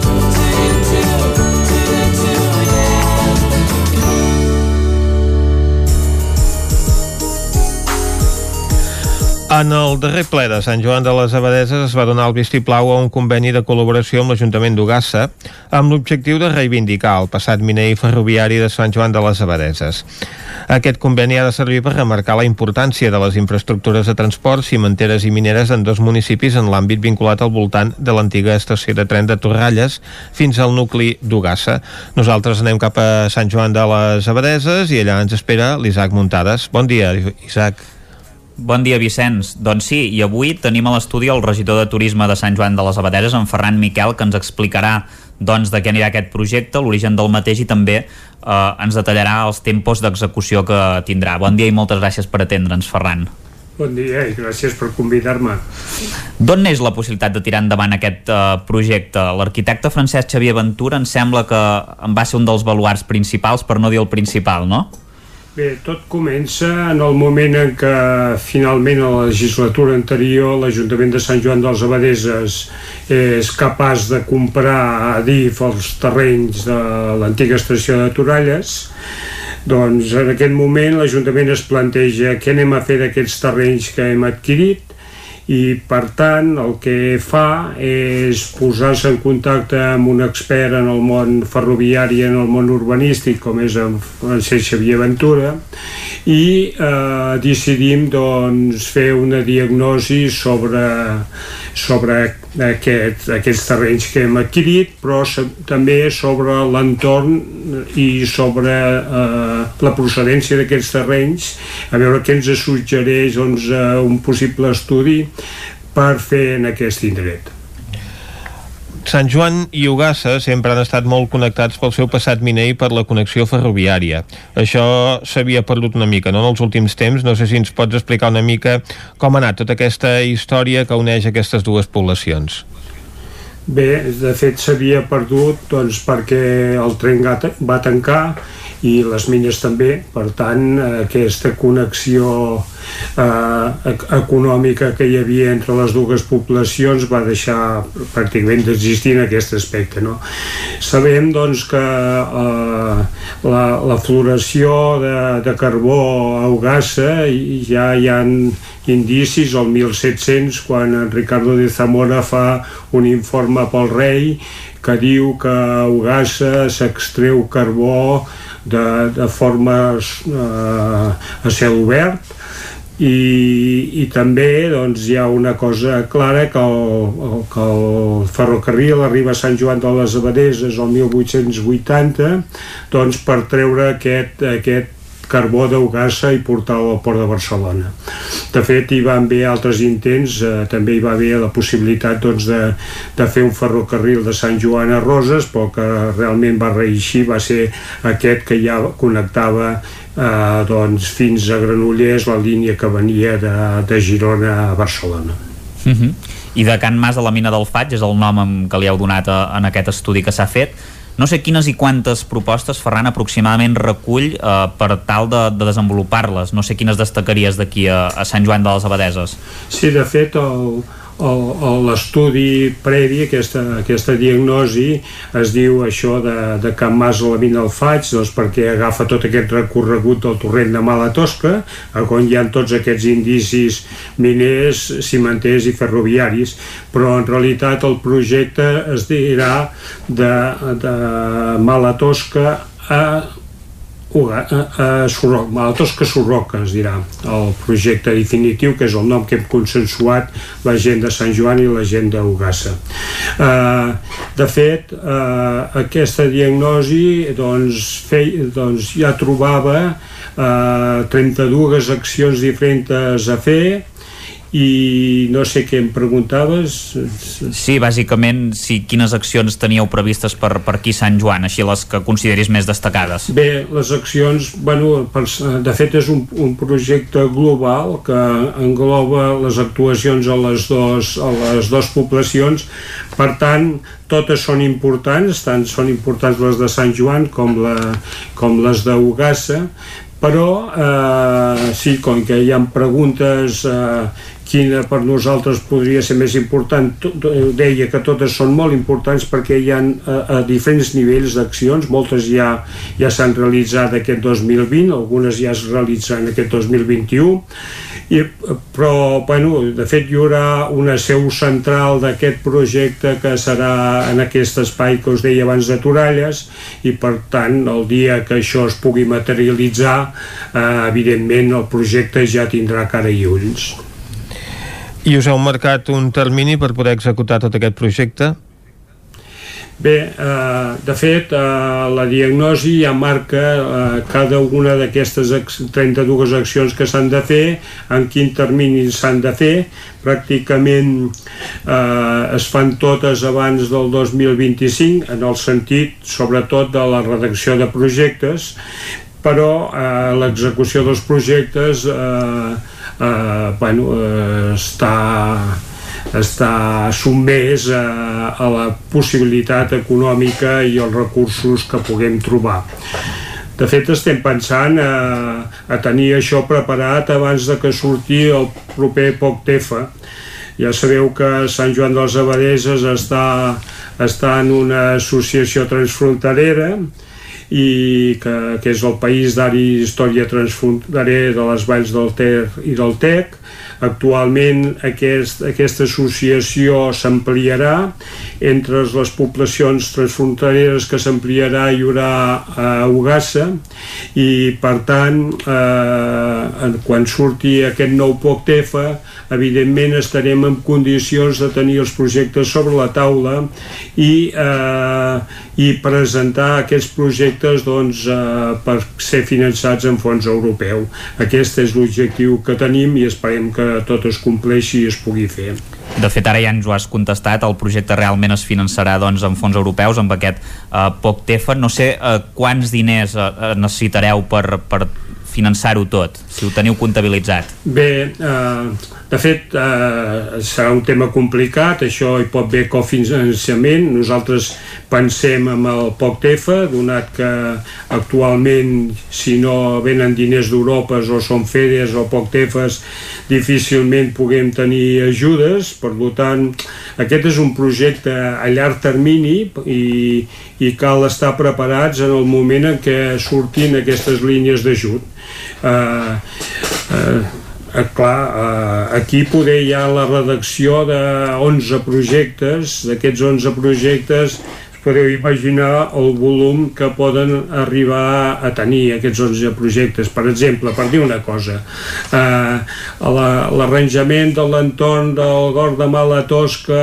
el, el molí de Mala Tosca, està pressupostat en 200.000 euros. Doncs podeu imaginar que la recuperació de l'estació de Toralles, la recuperació del pla inclinat, les actuacions que s'han de fer de, de consolidació del Museu d'Ugassa, l'accés la, a les mines visitables, eh, doncs això eh, pujarà molts diners. Uh -huh. Perquè Sant Joan com s'explotava el turisme ferroviari i miner fins ara, no? Sabem que s'ha fet la ruta del ferro, un alberg a l'antiga estació, però tot aquest patrimoni, aquesta possibilitat doncs, de fer-ne una explotació turística, tot això s'havia fet fins ara a Sant Joan? No, com tu dius, el que va fer Joan ha vingut fent aquests últims anys ha estat eh, eh, intentar adquirir o llogar eh, aquest, aquests, aquestes propietats d'Ardif eh, i, i, i algunes les hem llogat, com per exemple la ruta del ferro la tenim llogada, però també vam comprar l'antiga estació on hi tenim un restaurant on hi tenim un, un alberg eh, bueno, això és el que havíem vingut fi, fent fins ara, consolidar, intentar consolidar aquest patrimoni i per un dia poder fer un, uh, un projecte molt més endavant, que és el que estem explicant avui. Uh mhm. -huh. I com us coordineu amb Bogassa per dur a terme aquest projecte, Ferran? No sé si feu moltes reunions periòdiques, com, com és el treball conjunt? Bé, de fet, eh, començar, tot, tot venia d'aquí, no? De fet, amb l'Ajuntament d'Ugassa hem, hem signat un conveni per poder tirar endavant això i, i de fet el que s'està treballant és es va crear un grup d'experts. Aquest grup d'experts hi ha tot un grup de voluntariat que actualment estan fent el museu de, de les mines d'Ugassa i després altres experts doncs, de Sant Joan dels Abadeses i de fora de Sant Joan en, el, en, en els temes ferroviari, cimenter i, i miner doncs que, que treballen amb nosaltres i, i de fet la diagnosi ens marca ben bé els treballs que hem de fer, per tant ara ja seguim la diagnosi. A Ugassa doncs es fa un museu miner, no sé si això pot tenir alguna reciprocitat a Sant Joan i fer alguna cosa relacionada amb el ferrocarril. Sí, efectivament, com deia abans, segurament que eh, a Sant Joan hi haurà un centre d'interpretació de les cimenteres. De fet, eh, el que no volem fer és repetir els museus que hi han per Catalunya. Per tant, vam visitar tots els museus relacionats a, eh, amb, amb el Museu de la Ciència i la Tècnica i, eh, i el que farem seran uns productes molt diferents. Uh mhm. -huh. Doncs eh, Ferran Miquel, regidor de l'Ajuntament de Sant Joan de les Abadeses, moltes gràcies per acompanyar-nos. Molt bé, gràcies a vosaltres. En Ferran Miquel hem parlat d'aquest projecte per recuperar el passat miner i ferroviari d'aquestes dues poblacions, Sant Joan de les Abadeses i Ugassa. Ara fem una pausa i tornem tot seguit.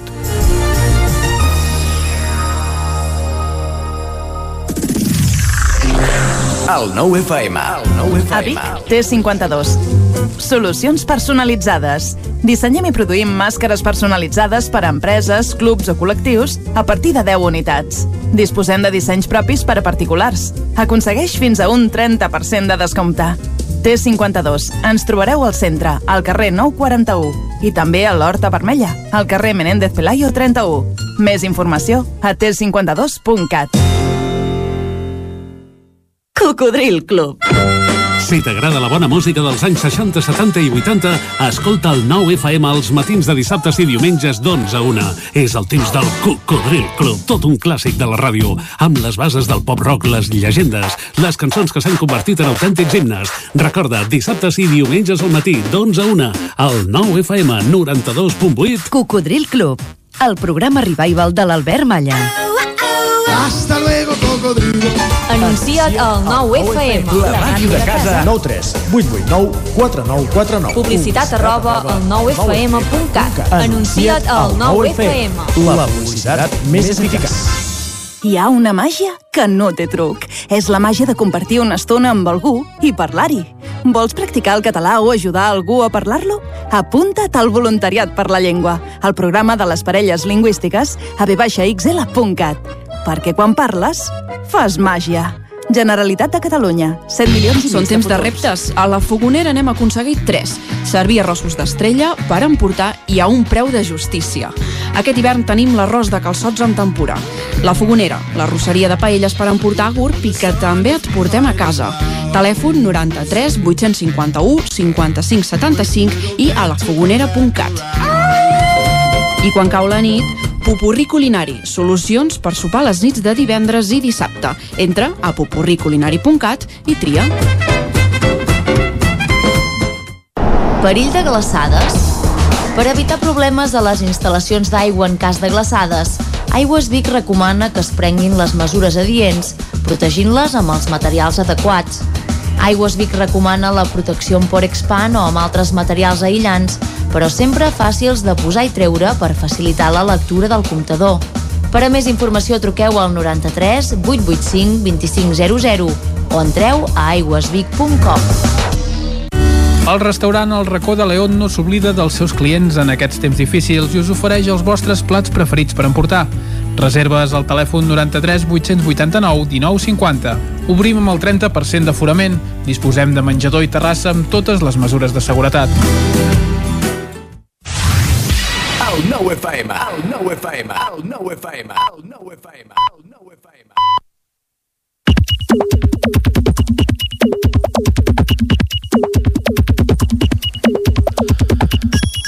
Són dos quarts d'onze, és a l'hora de fer un recull de l'actualitat digital i començarem repassant el que s'està dient ara mateix per Twitter amb l'Isaac Moreno, com fem cada dia. Bon dia, Isaac. Bon dia. Comencem, per exemple, una pilada d'en Xavi Font, actor manlleuenc, diu... Manlleuenc, perdó, no, Viquetà. Ah. Obrim només les llibreries per fer-nos els cultes, oi? Uh, reaccions a les mesures... al relaxament de mesures anunciat ahir pel Procicat. Josep Lluís Garcia diu LinkedIn que molta gent hi mira el meu perfil. No veig cap manera millor de perdre el temps, diu. Carles Benús, alcalde de Tavernoles, diu He rebut una carta que em recorda que em toca renovar el carnet de conduir. He rebut una carta que m'ha fet recordar que ara fa 30 anys em vaig treure el carnet de conduir. He rebut una carta que fa- m'ha fet recordar que em faig, que em faci gran. Això no cal rebre cartes. Cada, pobre, sí, eh, cada dia està, passa, fet, eh? Està bastant desesperat amb aquesta carta que li han enviat. Joan com a Roura diu segon recordo el dia que l'Arcadi Oliveres em va dir escolta, et faria res presentar a classe el treball que has fet sobre el BDS que sempre hi ha molts alumnes? Ho recordo perquè allò em va fer veure que cal aprofitar tots els espais de vida per lluitar i compartir lluites Ati- referent, acaba dient. Agustí Danés diu que de les al·legacions per lliurar-se d'assistir a les meses del 14 de febrer la llei en digui excuses tampoc ajuda gaire. No, des de... sens dubte entre les mesures de, no, entre les noves mesures del Procicat eh, també hi ha la represa de les competicions que donen accés a competicions estatal. És a dir, per exemple, la primera catalana de futbol on juga l'equip que entrena l'entrenador torellonenc Miquel Muñoz, però l'equip és Vallèsà, que és el Parets. Uh -huh. Diu, observant la situació Covid-19 i el que pot venir, em sembla immoral que un govern i una federació prenguin decisions per pressions i per treure rèdit electoral. Queda clar que les persones som titelles per ells, elles. La solidaritat i el suport manca quan ens mirem al malic. Etiqueta Futbolcat. Sí, que ell no ho veu clar, eh, això de doncs, prendre competició. No, tot i que el seu Atlètic de Madrid va líder de la Lliga. Ah, això és un altre tema. Ah. Xavi Bardolet, això de saludar-se amb els punys per evitar l'encaixada i després abraçar-se deu ser un oxímoron, oi? Entre parèntesis diu que oxímoron és una manera elegant de dir estupidesa, bàsicament. Uh -huh. uh, Arnau Tordera, expliquem el tuit, perquè no, no es pot veure, però l'expliquem i queda bastant reflectit. Es veu líders polítics en els seus moments brillants de campanyes electorals, per exemple, Ada Colau cantant un rap, Carles Puigdemont tocant la guitarra, Josep Antoni Duran Lleida tocant la bateria o Miquel Iceta ballant, són quatre instantànies que acompanyen el tuit i diu Name Amor Iconic Band és a dir, reclama que algú posi noms a aquesta icònica banda n'hi ha alguns, eh? si vols, em puc llegir si... per exemple Doncs, a veure, a veure quins noms proposa la gent. la iaia Toneta diu de Durs i entre parèntesis gi giratòries. O els de Banshees per qui no ho sàpiga, les Banshees són uns esperits de la mitologia irlandesa en forma de dona que anuncien la mort. Uh -huh. o el Tallatroncs li respon embrutem el no, els nous mítics i n'hi ha algun altre com per exemple l'Ostrodamusicos o un que hi acompanya la fotografia del senyor Gimón tocant la guitarra i diu tots pa Perpinyà en fi, ja veus que la cosa ja no em dona, tot. la cosa dona. Pep Acosta, home del temps, diu Lola, m'agradaria que fossis la meva princesa, etiqueta la Isla de les Tentaciones 3. Ja sabem que la, el, el tenim abduït per aquest programa. Marta Roder comparteix un tuit del seu germà Albert Roder, entrenador de futbol, tècnic analista en futbol, que anuncia fa el seu comunicat anuncia que deixa de...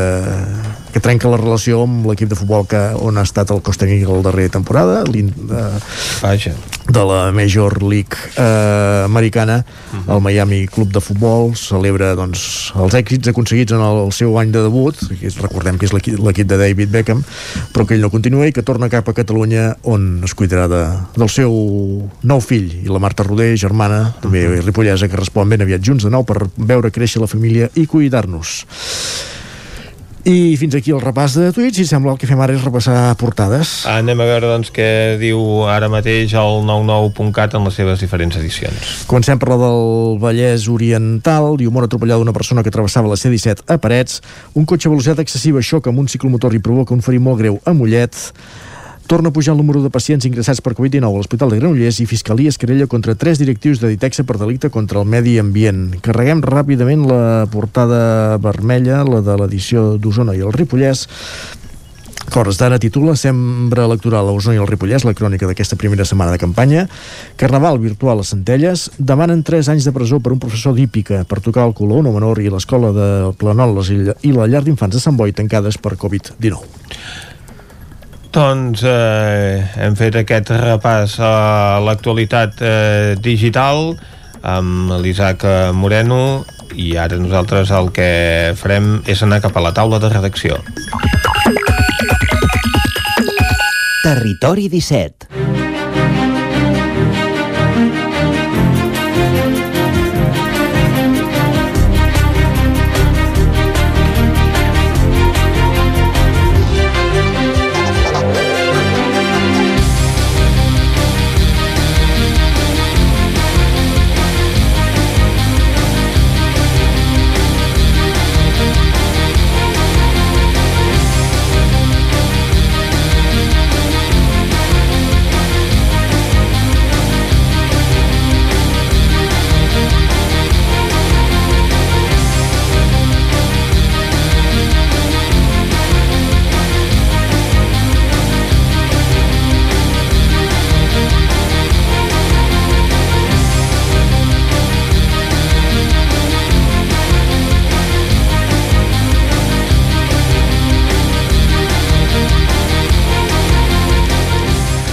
I avui a la taula de redacció analitzarem amb Dolors Alta-Riba una notícia de caire econòmic que afecta a una companyia de la comarca d'Osona i concretament a una companyia de telecomunicacions. Estem parlant de GoFon, eh, aquesta empresa amb eh, seu a Osona, nascuda al centre de la comarca i que ha crescut i molt en usuaris durant l'any 2020 i ha arribat doncs, a una facturació de gairebé 10 milions d'euros. Dolors, bon dia. Hola, bon dia. Sí, aquesta era la facturació que més o menys... Eh, ells diuen hem arribat al 99 com a del que havien previst, no? que uh -huh. no són ben bé els 10, però la veritat és que sí, ja fa algun Això temps... un any de pandèmia, perquè les Sí, previsions econòmiques sí. doncs, a les empreses es fan a principis d'any sense preveure en aquest cas doncs, que podria Exacte. passar tot el que ha passat i això ha afectat molt precisament el sector de les telecomunicacions perquè doncs bé, la gent tenia més dificultats si volia canviar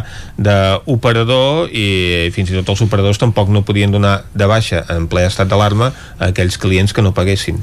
Sí, clar, hi havia tots aquests condicionants, han uh -huh. estat gairebé eh, aquests, eh, eh, segurament un parell de mesos, dos, tres mesos, que ha passat això. També en el mateix, justament avui també, o aquesta setmana també s'han donat els, els, els resultats de l'empresa Sud Renovables, que és una empresa uh -huh. que, que de, no és de telecomunicacions, és de, de plaques d'autoconsum o plaques uh -huh. fotovoltaiques, de, del tema aquest energètic, que també, tot i la Covid, en tres mesos pràcticament parats, doncs han, han, han igualat eh, la, la facturació que havien fet del 2019, que, que evidentment preveien més, uh -huh. i també preveuen, doncs, eh, uns augments importants per de cara al 2021. És aquesta, el que està passant ara és una mica no? això, no? Aquesta, uh -huh. que s'està fent aquesta bretxa eh, entre les empreses que els va bé que, que, dins, que, que, que, són, que acaben sent d'alguna manera essencials no, en aquest canvi que hi ha hagut o que provoca la, la, la pandèmia i les restriccions i les empreses que no que, que, doncs, que, que, que les que van malament van malament per dir-ho d'alguna manera i les que van bé doncs van eh,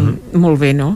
i bé aquests dos són dos exemples d'això. Clar GoFont també té, un, té ja un, un historial havia sortit en alguns rànquings de a nivell europeu eh, d'empreses amb un, amb un tant per cent molt important de creixement. Ha crescut... Eh, eh, eh, recordem que és una empresa que va néixer... És una empresa petita, però petita, que està creixent molt. que va néixer sota el paraigües, a més a més, de, de la Fundació Gifi.net, amb aquella idea i aquella filosofia que mantenen de eh, eh, que la fibra òptica arribi a tot arreu, no? Arribi a tot arreu vol dir no al, al nucli de la població, que es diu, bueno, arriba a Tavernoles, bueno, però després com arriba a les A cases... eh? Fusimanya, com hi arriba, no? no sí, exacte. O, o no? a les cases, sobretot cases pairals, ca, uh -huh. cases aïllades, d'urbanitzacions, i ells això ho han, és una filosofia que han, que han mantingut i, i ho han fet en paral·lel amb, amb, amb, doncs, amb servei de- d'extensió de, de fibra òptica a, a ciutats, ja amb, amb, amb molt completes, i bé, tenen, un, tenen una, la, la intenció doncs, de, de doblar la facturació de cara de cara a aquest any, aquest any que estem i, uh -huh. i de, de fer arribar el desplegament de fibra doncs, a sis capitals de comarca més tenen botigues, eh, si no m'equivoco doncs hi ha 5 o 6 llocs diguem-ne, eh, de Catalunya. Sí, el que fan altres empreses telefòniques que és tancar botigues, ells estan obrint. ells en van obrint. Sí, no és una, no, les botigues no és lo, lo, potser el que més però sí que, per exemple, doncs van fer una mica de reestructuració. Ja el 2019 van, finals de 2019 van obrir el centre de Vic que era una, al revés que a vegades.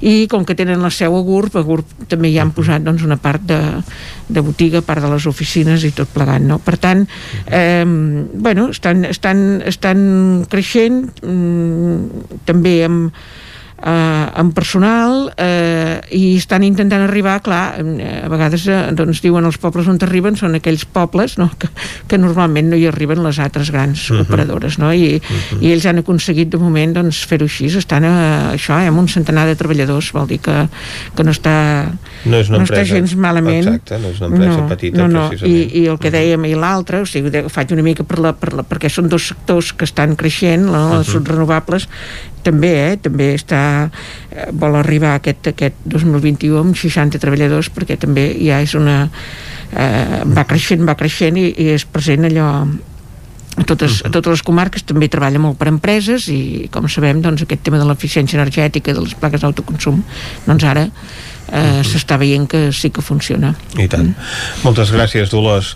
Bon dia. Nosaltres anem de l'última tecnologia al món de l'arqueologia i ho fem amb el nostre arqueòleg de capçalera, en Jordi Givert, que ens parlarà d'aquest jaciment que s'ha trobat fa uns dies a Monistrol de Calders, en volem saber les característiques. Jordi, bon dia. Hola, bon dia. Explica'ns una mica què ha passat a Monistrol de Calders, què s'ha trobat exactament i eh, per on eh, pot anar tot aquest projecte. Doncs mira, de fet la, la troballa va ser de, de casualitat, s'estava arreglant un, un camí que, rural que, que, que arribava al poble de, de Monistrol i just a uns metres de, de la Riera eh, es va trobar arreglant aquest camí una, una sitja que, que després al, al veure eh, al començar la intervenció arqueològica eh, també van sortir un seguit d'estructures, uns murs que serien posteriors a aquesta sitja. Uh -huh. Llavors, després de, de dues setmanes d'excavació de, s'ha vist que hi ha com, com dues fases. Uh -huh. Una fase eh, seria aquesta de les sitges, pel material eh, podria ser eh, o bé de, de l'època de l'edat del ferro o d'època visigoda. Ten, tenim aquest dubte perquè és, és un tipus de material uh, gruller que, que pot ser de les dues cronologies uh -huh. i no tenim cap altre material més que ens pugui uh, acabar d'especificar. I després sabem que just després hi van construir aquestes estructures que, que van sortint. El que s'ha excavat de moment és, una, és un espai petit de, de pocs metres quadrats uh, que era afectada per, per aquest camí. Uh -huh. I ara, uh, de moment, uh, el que s'està fent és s'han demanat unes proves de carboni 14 uh -huh. per poder especificar exactament uh, a quina de les dues cronologies són. Uh -huh. Tant si és una com si és l'altra és, és interessant perquè tant a nivell local, Monistrol, uh, el municipi, el nucli, uh, és fundat a, l'edat moderna. Per uh -huh. tant, Uh, la troballa uh, en si és, és important perquè ens parla d'un moment d'un moment de la història que desconeixíem uh, del municipal. Mm -hmm. I si és uh, d'aquesta època de, de la primera edat del ferro, època ibèrica, les estructures que hem trobat, de fet al Moianès no hi ha cap jaciment uh, a la comarca d'aquest període, mm -hmm. per tant també és interessant uh, a nivell de comarca poder estudiar uh, el poblament en aquesta època que, que desconeixem per, per complet. Clar, serien les troballes més antigues del Moianès. Recordem que estem parlant de 5, 6 o 7 mm -hmm. segles abans de Crist, no? Més, antiga, més antigues no, perquè sí que tenim uh, les coves del Toll, que, uh -huh, que són d'època prehistòrica, uh -huh. que, que són més antigues, però és d'una fase de, de, de la història que sí que, no, que hi tenim un buit al Moianès. Uh -huh. I llavors per això són, són interessants. Uh -huh. Doncs, eh, Jordi, una troballa sorprenent i inesperada i, a més a més, doncs, amb un contingut que quan s'hagin fet aquestes proves de carboni ens podran determinar amb més exactitud a quina època pertanyen i segurament en podem treure més conclusions. Sí, ja s'estan preparant, eh, uh, l'Ajuntament té intenció de, de declarar bé cultural d'interès local al, al jaciment i preparar alguna intervenció de cara a l'estiu d'aquest any. Mm -hmm que serà l'hora de poder-ho visitar efectivament com passa amb moltes d'aquestes troballes arqueològiques esperem que ja mm. en plenes condicions i no hi hagin restriccions sanitàries com les que estem patint ara mateix Jordi, moltes gràcies a vosaltres. Doncs tanquem aquí aquesta taula de redacció avui amb en Jordi Givert i la Dolors Altarriba. Territori 17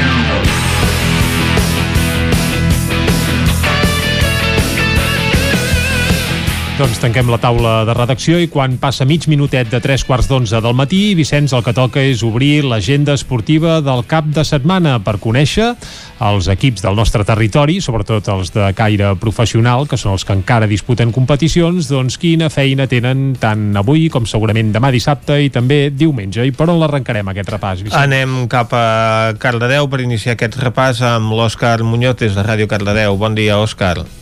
Bon dia. Explica'ns quina activitat hi ha al cap de setmana. Doncs tenim en bola Cardedeu uh -huh. i, amb, i tenim el derbi, perquè el, les cardedeuenques, és femení, eh, jugaran aquest dissabte a les 6 contra el Vilamajor.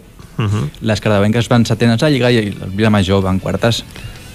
De la Lliga Catalana Sènior Femenina, primera fase, grup B. Uh -huh. També a l'handbol, però a Granollers, després de l'aturada del Franking pel Mundial d'Egipte, em tornava a jugar contra el Benidorm i ho va fer amb una victòria per acabar amb un 26 a 25, un resultat bastant ajustadet, però suposa la millor ratxa consecutiva de partits eh, amb quatre victòries i un empat, és a dir, cinc partits sense perdre. Uh -huh. I en el partit el xilè Esteban Salinas va rebre el, abans del partit contra el Benidorm el guardó com a MVP del mes de desembre, amb el pivot s'està adaptant molt bé al joc de, del Granollers i és el màxim anotador amb 92 gols.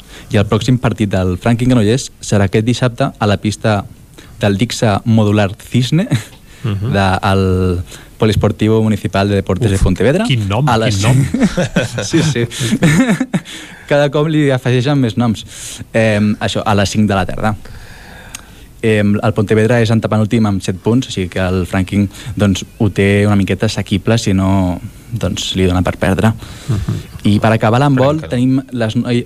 Exacte. per acabar l'handbol tenim les noies del GAC 7, que dimecres van perdre 26 a 24 contra l'Elche. Uh -huh. contra Elx, i ara bueno, va anar molt durant tot el partit i fins als minuts finals doncs, no va apropar-se a l'electrònic tot i que va ser doncs, això, insuficient.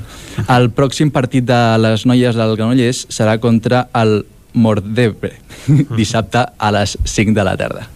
I per acabar el futbol, el pròxim partit de l'Esport Club Granollers serà al camp del Vilassar de Mar aquest diumenge que és tercer amb 22 punts i a la primera volta van empatar, així que estarà bastant interessant eh, aquest diumenge a les 12 del migdia. D'acord, doncs moltes gràcies, Òscar. A vosaltres. Ara anem cap a una corinenca on ens espera la Caral Campàs. Bon dia. Hola, bon dia. Quina activitat tenim esportiva pels propers Doncs- dies? Ja sabem que hi ha una trobada Osona-Ballesana en matèria d'hoquei, no? Exacte, precisament el Caldes s'enfronta al Vic demà a les 7 de la tarda al pavelló de la Torre Roja i parlàvem, preguntàvem a l'entrenador del Caldes a veure com preveien aquest partit i ell ens comentava que bé, el Vic tot i ser un equip que està a la part baixa eh, creu que està jugant millor del que els resultats o els punts doncs, poden demostrar. Eh, també ens comentava que, que el Caldes hauria de fer un molt bon partit i intentar posar-se per davant eh, just al principi i, i afegia que, que el Vic tenen dos o tres eh, jugadors de molt nivell i un porter amb molta experiència i que per tant haurien de jugar doncs, amb molta confiança i que per ells és un partit important per poder seguir a dalt eh, de la classificació i preparar els dos següents partits que vindran contra el Lleida i el Reus que són els rivals directes per intentar estar entre aquests quatre primers de la classificació. I després eh, tenim el Sant Feliu de Codines eh, a la segona divisió de l'Hockey Lliga que bé, va haver de plaçar l'últim partit contra el Barça B per un positiu a l'Alcobendas que havia sigut l'últim rival dels codinencs. I en principi haurien de jugar aquest dissabte contra l'Arenys de Munt un partit corresponent a la jornada 11 que, que s'havia hagut de plaçar en el seu moment també per casos de Covid. Llavors en principi jugaria eh, aquest partit plaçat contra l'Arenys damunt doncs, aquest eh, dissabte 6 de febrer i uh -huh. finalment us comento que el Vigas i Riells femení doncs, haurà d'esperar fins al cap de setmana següent, el dia 13 per encetar la segona fase eh, comentar que, com bé sabeu van tancar la primera fase, terceres de, del grup B i per tant això els permet disputar eh, entre les quatre millors eh, dels equips de, de, de la primera fase Uh -huh. Doncs moltes gràcies, Caralt. A vosaltres. Ara anem nosaltres cap al Ripollès, allà ens espera l'Isaac Muntades. Bon dia, Isaac. Bon dia, Vicenç. Què ens aportes des de la veu de Sant Joan? Com està l'activitat esportiva al Ripollès?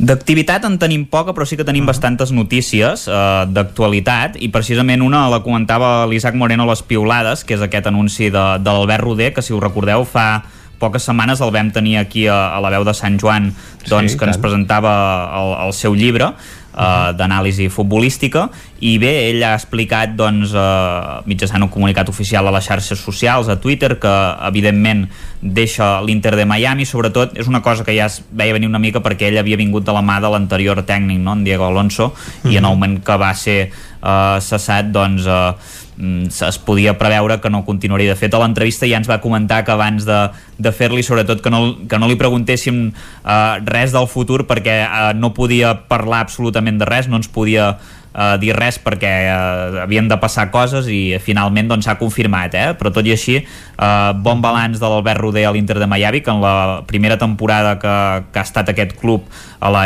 Major Soccer League doncs va entrar als play-off i només hi ha set equips que això ho recordava ell en el comunicat que en el primer any de, de fundar-se ho han aconseguit i llavors ja sabeu que van tenir mala sort en la primera eliminatòria perquè van tenir molts jugadors eh, eh, que no podien jugar per al tema del, de la Covid com per exemple la, la seva estrella en Gonzalo Higuaín. Per tant doncs eh, ha acabat aquesta aventura i, i tornarà cap aquí cap a Europa, cap a, cap a Catalunya i veurem si aconsegueix doncs, el seu somni d'entrenar de, algun equip d'aquí que també ell ja ho havia comentat més d'una vegada a veure Ja. doncs, si, si ho pot aconseguir, tot i que ara mateix, com que la, la competició esportiva i sobretot el món de, del futbol està en stand-by, doncs haurem de veure què acaba passant no? i com queda el mercat futbolístic català.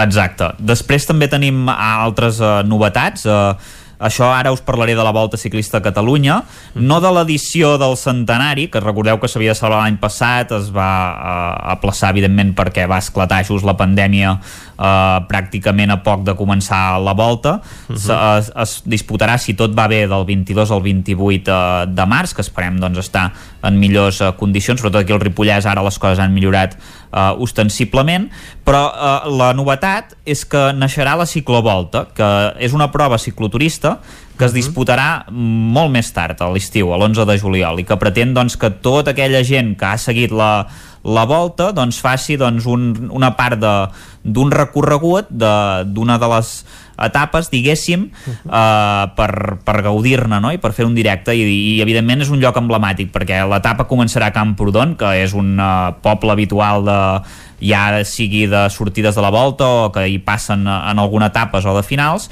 i acabarà l'estació de Vallter 2000 que és el port segurament més reconegut de, de la comarca i, i bé, bàsicament hi haurà dos recorreguts eh, eh, de diferents nivells amb 90 quilòmetres i 149 per tant n'hi ha un que, n- que no començarà bueno, es faran suposo.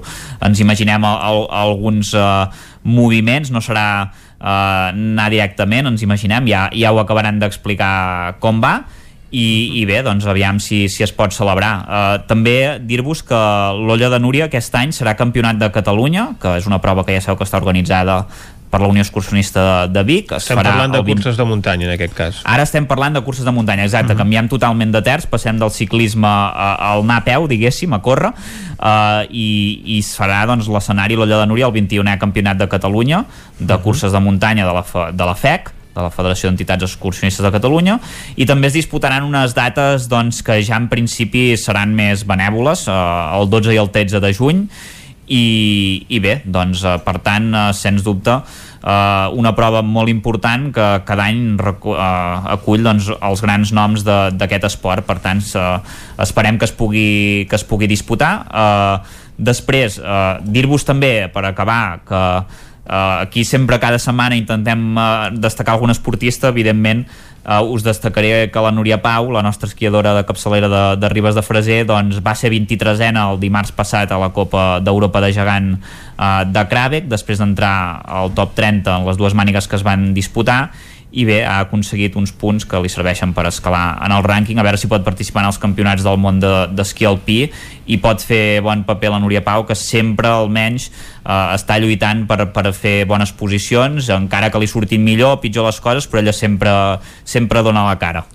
I tant que sí, esquiadora de capçalera de la Vall de Ribes i fins i tot de l'estat espanyol en el seu conjunt, perquè ara mateix l'esquí femení espanyol doncs no és que estigui en el seu millor moment. No.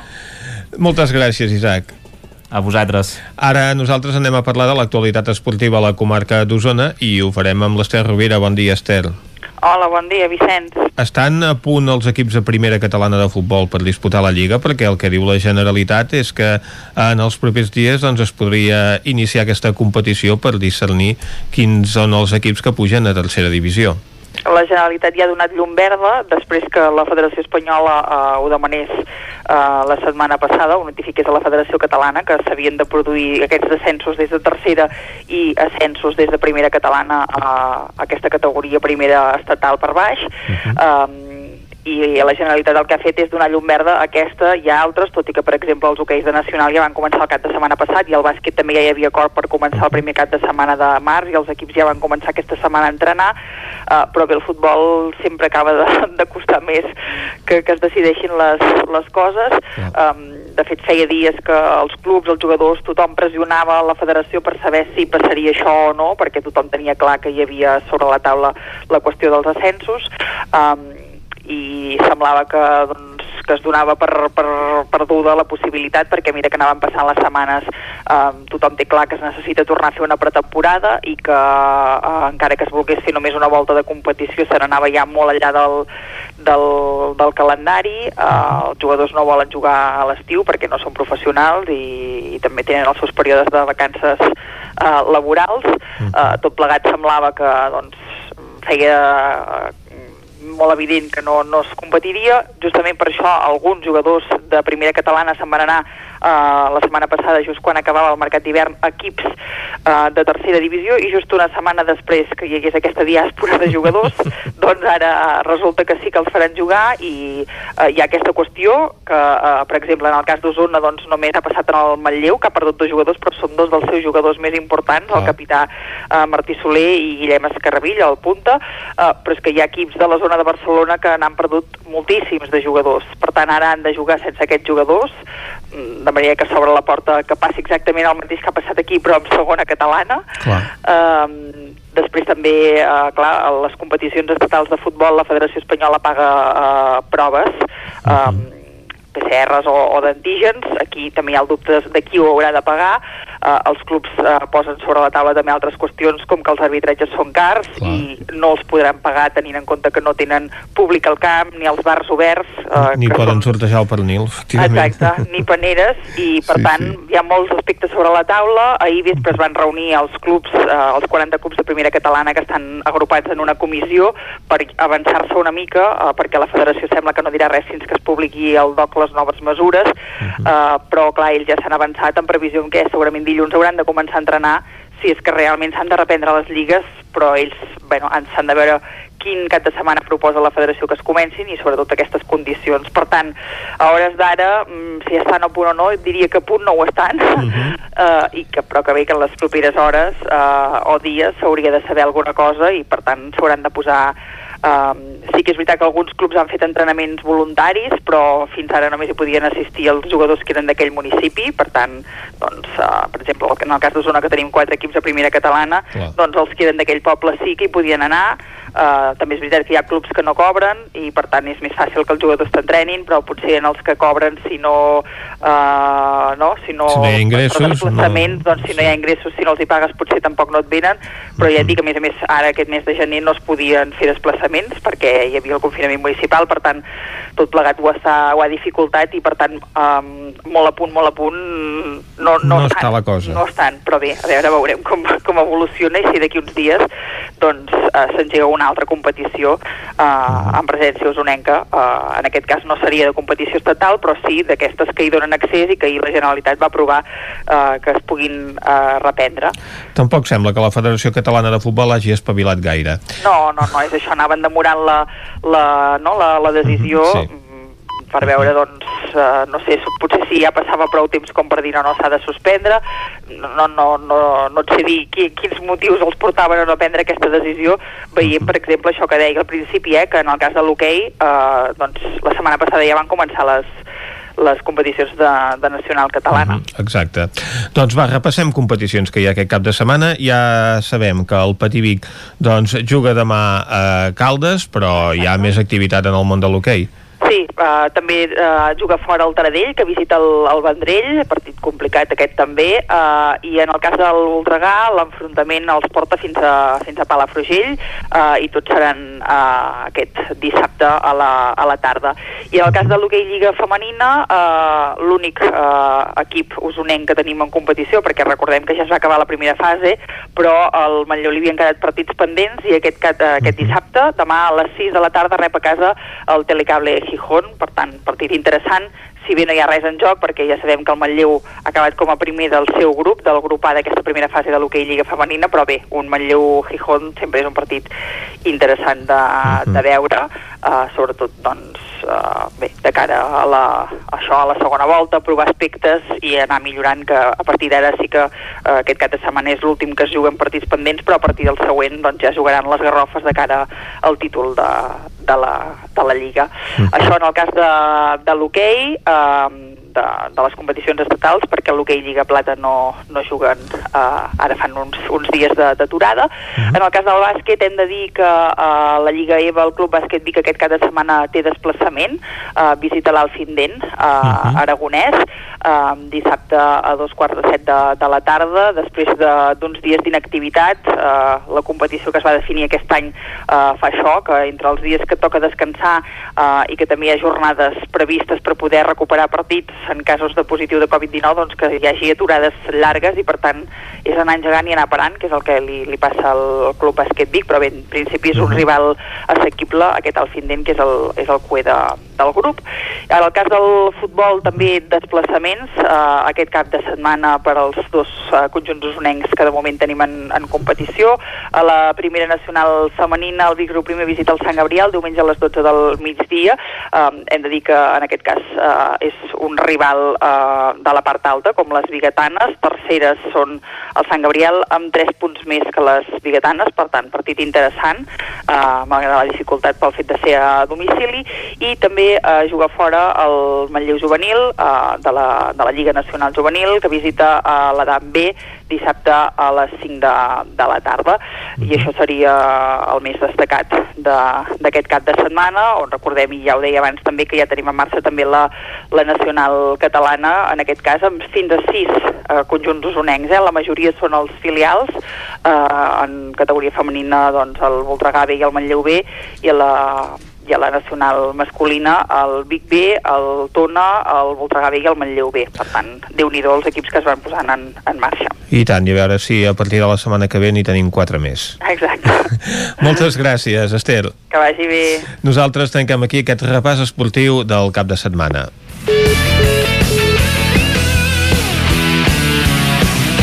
I quan són les 11 i 3 minuts i mig, torna la informació de les nostres comarques, les comarques del Ripollès, Osona, el Moianès i el Vallès Oriental. Territori 17, amb Vicenç Vigues i Jordi Sunyer.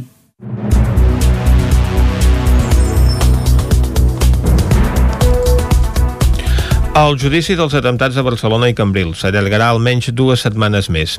Isaac Muntades és a la veu de Sant Joan. El judici dels atemptats de Barcelona i Cambrils del 17 d'agost de l'any 2017 s'allargarà almenys dues setmanes més i és que a petició de l'advocada de Deisu Kabir es va demanar la suspensió de la sessió perquè les tres defenses poguessin exposar els seus informes el mateix dia. Cal recordar que l'advocada defensora de Mohamed Juli, Carmen González, va donar positiu a la prova de la Covid-19 i aquests dies ha estat seguint les sessions des de casa a través de l'emissió pel YouTube. Per altra banda, la l'altra advocada que representa Ucabir va explicar que el seu company Luis Álvarez, el qual ha portat la defensa de l'acusat en totes les sessions, s'estava dirigint a un centre de salut per realitzar-se una nova prova PCR, ja que la primera va donar un resultat indeterminat i fins dilluns no se sabrà el resultat definitiu. Álvarez també havia tingut molta febre, però segons la seva companya ja estava millorant. L'advocat de Said Ben Yasa, Francisco Sánchez, no va tenir cap inconvenient en exposar l'informe quan tornessin i el president del tribunal, Félix Alonso Guevara, no va posar-hi cap pega i només volia consultar-ho per si volien avançar. Guevara també va exposar que les sessions encara tardarien uns dies a reprendre's, però no tenia clar quin dia exacte. Si a lo largo de la semana que viene se supiera algo, ya se les citaría para la siguiente. Cuanto más hacia el final de esa siguiente, mejor. No les puedo prometer nada. Se les avisará dos, tres días. Depende cuando sepamos que estén los dos bien. Y otra cosa es que, sobre todo la confirmada de, de COVID, además se recupere para ejercer como debe ser la misión de defensa de uno de los acusados, si el otro simplemente era una gripe, que ojalá pues que se recupere antes, en cuanto estén los dos, pues dejamos tiempo suficiente, pero no más allá para no perjudicar a los demás. Y los demás cuídense mientras. A la sessió d'aquest dijous van exposar els informes la resta d'acusacions populars i particulars que faltaven, juntament amb l'advocacia de l'Estat, que al contrari del que van dir algunes defenses, creia que s'havia fet una bona investigació dels fets. Considera esta representación que no nos encontramos, como de forma extravagante alguna de las acusaciones ha manifestado, ante una deficiente investigación e instrucción, sino todo lo contrario. Consideramos que nos, nos hemos encontrado con una investigación y con una instrucción de gran complejidad y que ha permitido, gracias al trabajo realizado efectivamente por los miembros de las fuerzas y cuerpos de seguridad, arrojar luz sobre los hechos enjuiciados. En principi, ara per acabar el judici només faltaria que les defenses exposessin els seus informes i el torn d'última paraula dels acusats. Les mesures per reduir el contagi de coronavirus s'alleujaran a partir de dilluns. El confinament perimetral tornarà a ser comarcal, mentre que l'horari de la restauració s'allargarà fins a dos quarts d'onze del matí pels esmorzars i fins a dos quarts de cinc de la tarda pels dinars. En l'àmbit del comerç, les llibreries podran tornar a obrir el cap de setmana, mentre que en el sector de l'esport podran obrir els equipaments esportius amb un 30% de l'aforament. A més, es podran reprendre les competicions esportives que donen accés a competicions estatals. Ho van explicar aquest dijous representants de Salut i Interior a partir de les dades que confirmen que s'està començant a deixar enrere el pic assistencial màxim i el pic epidèmic de la tercera onada de la pandèmia. Marc Ramentol és el secretari general del Departament de Salut. Si com quan van mal dades com a govern demanem als sectors, demanem als ciutadans que facin sacrificis importants, sacrificis que comporten afectacions econòmiques, afectacions socials, afectacions emocionals, quan l'epidèmia, gràcies a aquest compromís, gràcies a aquest sacrifici, entra en una situació de control, també hem de ser capaços de donar una mica d'aire, una mica d'aire en aquells sectors, en aquells àmbits que porten mesos, que porten setmanes aguantant el pes d'aquestes mesures. En matèria educativa es permetrà la docència teòrica presencial en el primer grau universitari, com es fa en els cicles formatius. També podran obrir en format semipresencial les escoles de música i dansa que estiguin certificades, per, certificades pel Departament d'Educació.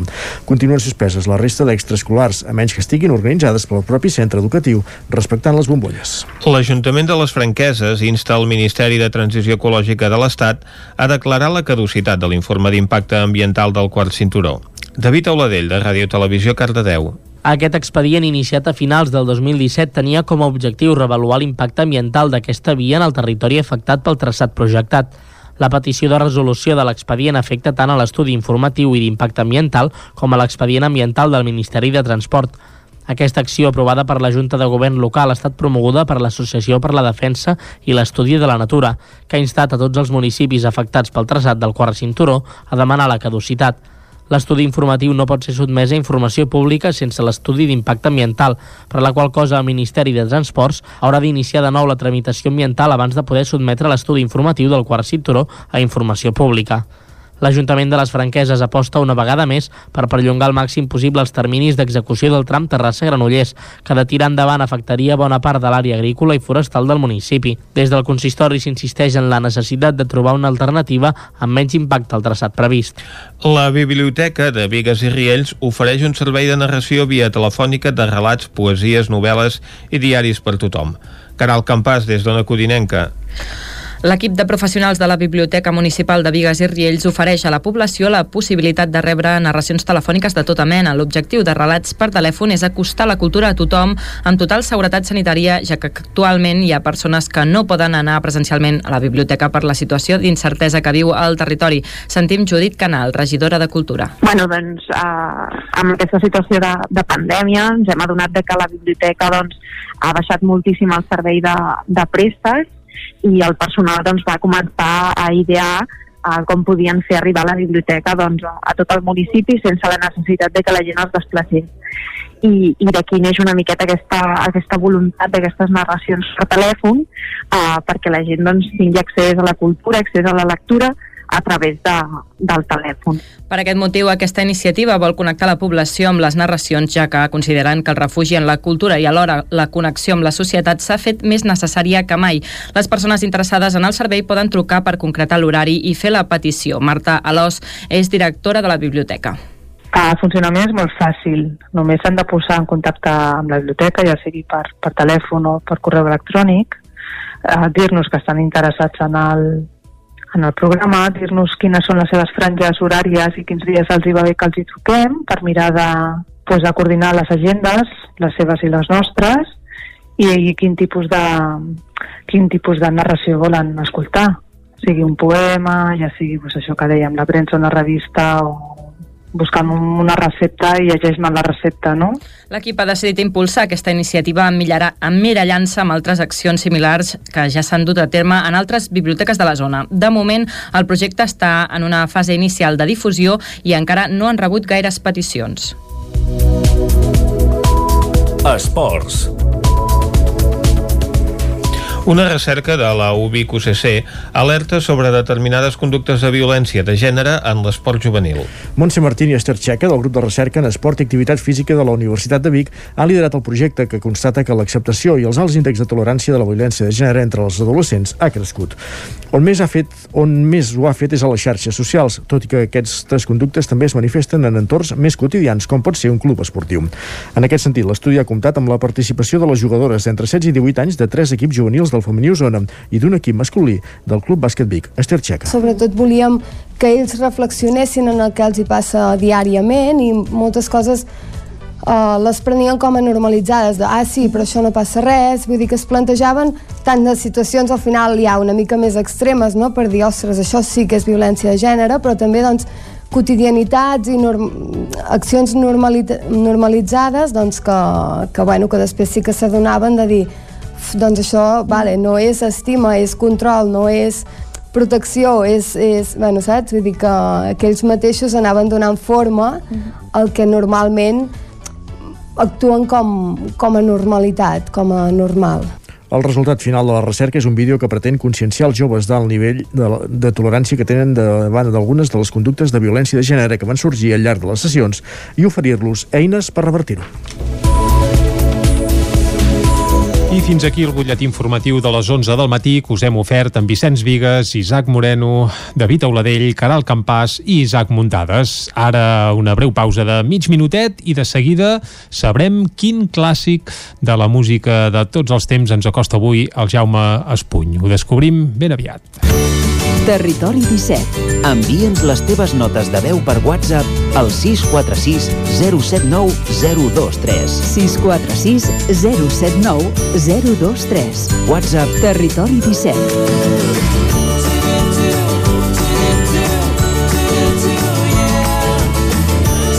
Territori 17.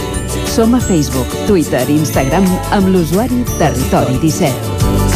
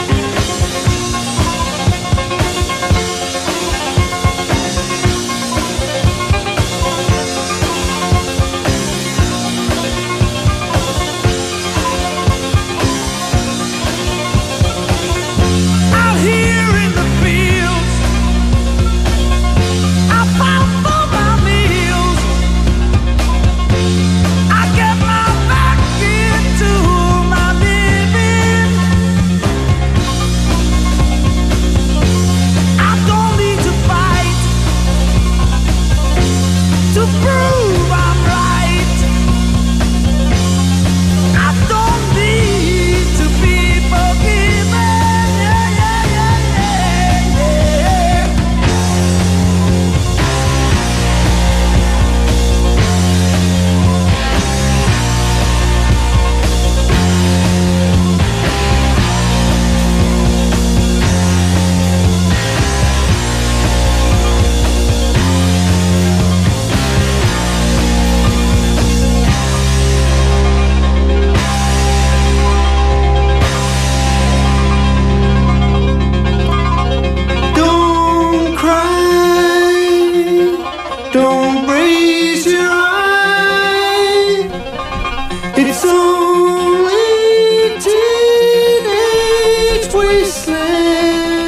Quan passa un minut d'un quart de 12 del matí, saludem en Jaume Espuny. Jaume, bon dia. Molt bon dia.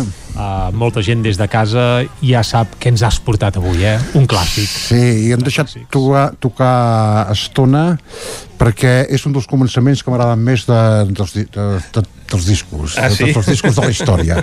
M'agrada molt. Eh, és el Who's, Who's Next, qui és, qui és el pròxim dels The Who. The Who. De, sí, fa, uh, aquest any farà 50, tornem allò dels 50, uh, ara fa 50 anys que van treure aquest disc. Uh, la cançó que estem sentint és Baba O'Reilly i, i aquí és uh, per primera vegada se senten sintetitzadors uh, amb els Who, que toca el Pete Tonswet, que se- se'n va enamorar, però sap o sigui, sap ficar-los molt bé, sense abusar. Amb aquest Eh, tiruriruri, que aquesta espècie aquest de cadència sí, sí, sí, d'això, bé. després s'ha copiat molt això, eh? Sí, sí, sí, sí. sí. Molts d'altres grups ho han pescat. Però si sembla una, una musiqueta de videojoc de l'Spectrum, quasi Sí. bé. Gairebé. Exacte. Eh que sí? Eh, Segur que ho devien, ho devien copiar. Uh, aquest disc, eh, ja et dic, de l'any 71, eh, és, eh, està fet, gravat entre dues òperes, òpera rock, perquè els van inventar l'òpera rock amb Tommy, de l'any 68, i al, al cap de dos anys d'aquest doncs, van fer Quadrofènia, i aquest també havia de ser una, una, una òpera rock, però es va embolicar, es veu, el Pete Tonswet va agafar un atac de nervis i va dir, tu, fem un disc normal, com les persones. però ja sabem, eh, els Who són un grup, el grup Mot, grup fort, fort. Però també a vegades saben ser romàntics i suaus i escoltarem, per exemple, aquesta cançó Behind Blue Eyes. Doncs va, escoltem aquesta i després ens expliques més històries. Doncs. Molt bé. Va.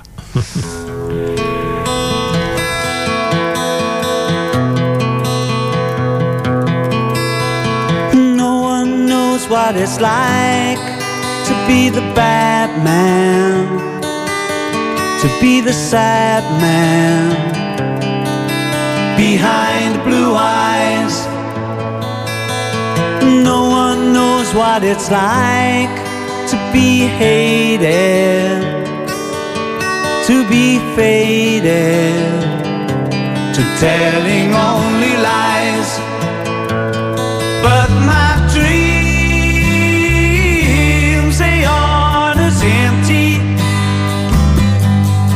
As my conscience seems to be.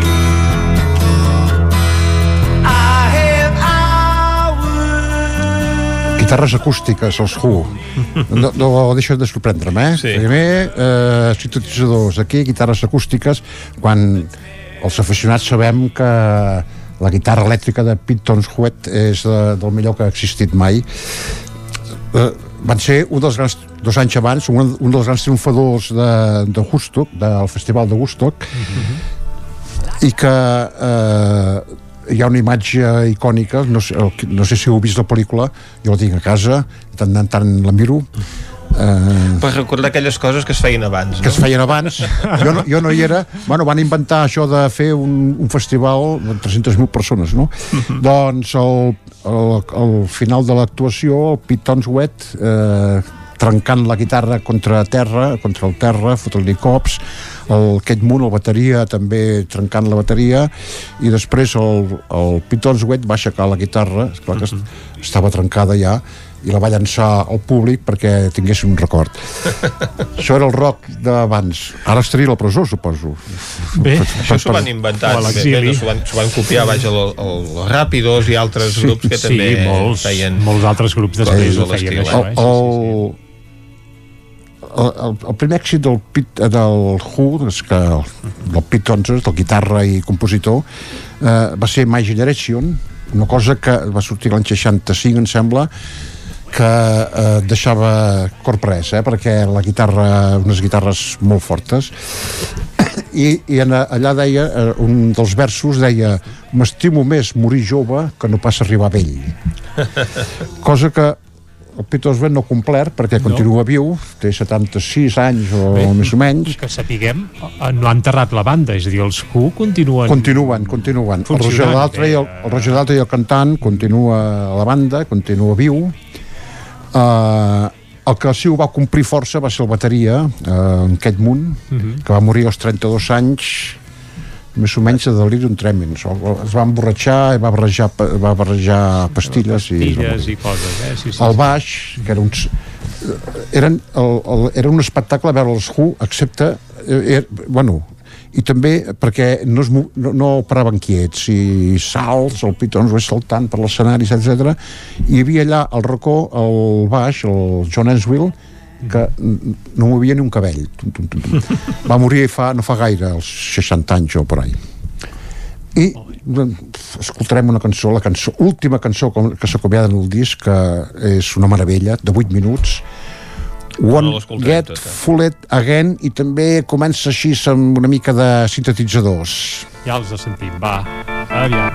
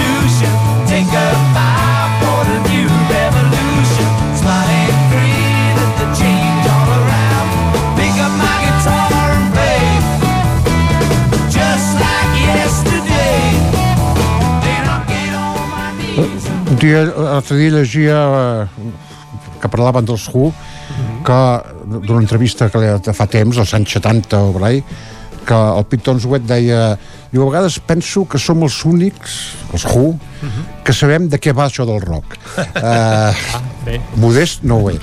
No ho és.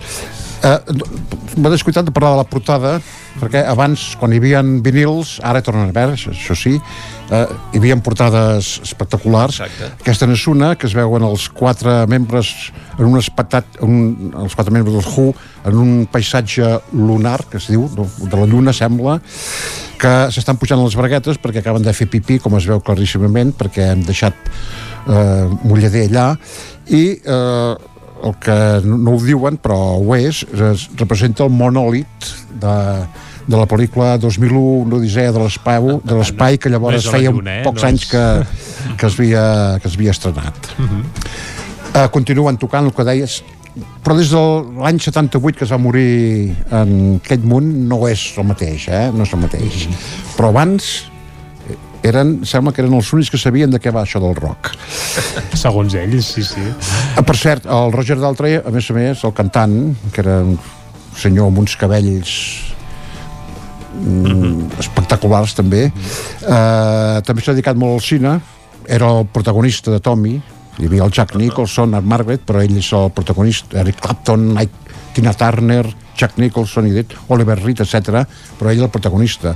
I després una pel·lícula que no recomano perquè pots agafar mal de cap de Ken Russell que es diu Listomania sobre la vida de, de Leeds del músic, el compositor. el compositor que no sé si és veritat però deixa força parat Doncs la recomanes, aquesta pel·lícula, eh? No.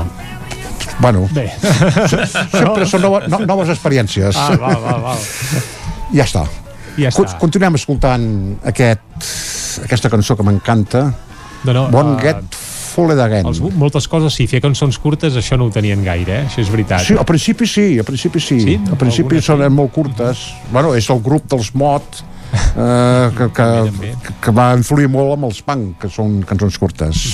Va, escoltem un fragment més d'aquesta peça. Més guitarra. I després t'acomiadarem, va.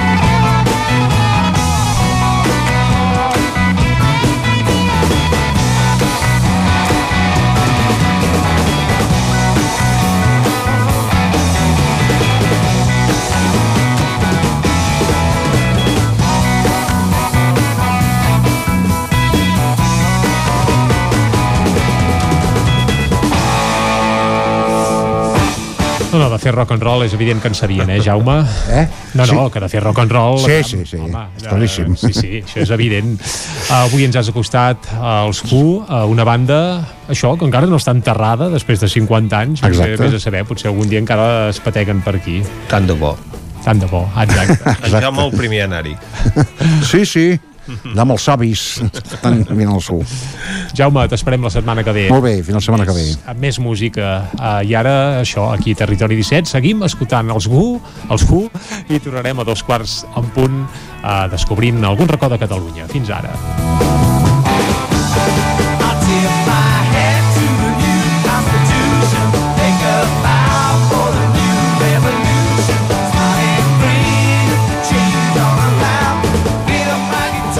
Territori 17. El nou FM, la ràdio de casa, al 92.8. Can Xalant, moda i complements. Més que rebaixes, nova secció tot a 10 euros. Moda home-dona, nen-nena, sabates, bosses de mà, maletes, complements i molt més. Sí, ho has sentit bé, tot a 10 euros. Vine a Can Xalant, ens trobaràs al carrer Sant Tomàs 4 de Call d'Atenes. També a Instagram i Facebook. Perill de glaçades? Per evitar problemes a les instal·lacions d'aigua en cas de glaçades, Aigües Vic recomana que es prenguin les mesures adients, protegint-les amb els materials adequats. Aigües Vic recomana la protecció amb Porexpan o amb altres materials aïllants, però sempre fàcils de posar i treure per facilitar la lectura del comptador. Per a més informació truqueu al 93 885 2500 o entreu a aigüesvic.com. Cocodril Club. Si t'agrada la bona música dels anys 60, 70 i 80, escolta el 9 FM als matins de dissabtes i diumenges d'11 a 1. És el temps del Cocodril Club, tot un clàssic de la ràdio, amb les bases del pop-rock, les llegendes, les cançons que s'han convertit en autèntics himnes. Recorda, dissabtes i diumenges al matí, d'11 a 1, al 9 FM 92.8. Cocodril Club, el programa revival de l'Albert Malla. Hasta luego, cocodrilo. Hi ha una màgia que no té truc. És la màgia de compartir una estona amb algú i parlar-hi. Vols practicar el català o ajudar algú a parlar-lo? Apunta't al Voluntariat per la Llengua, al programa de les parelles lingüístiques a vxl.cat. Perquè quan parles, fas màgia. Generalitat de Catalunya. 100 milions... Anuncia't al 9FM. La màquina de casa. 9 3 8 8 9 4 9 4 9. Publicitat arroba al 9FM.cat. Anuncia't al 9FM. La publicitat més eficaç. Són temps de reptes. A la Fogonera n'hem aconseguit tres. Servir arrossos d'estrella, per emportar i a un preu de justícia.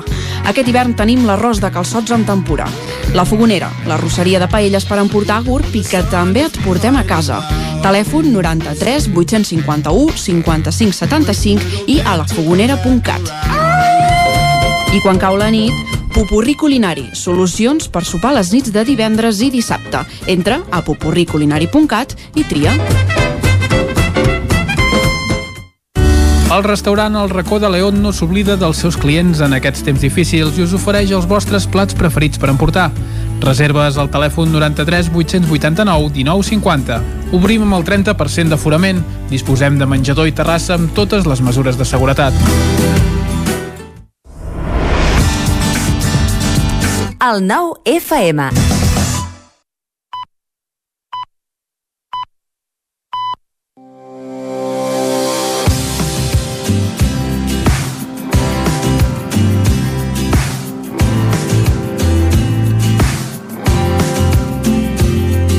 Per acabar la setmana tornem al Ripollès coneixent la població de Llanars, una població de poc més de 500 habitants.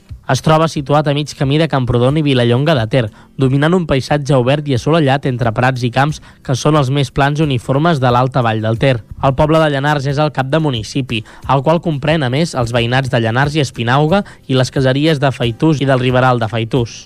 L'església parroquial de Sant Esteve ocupa el centre del nucli urbà.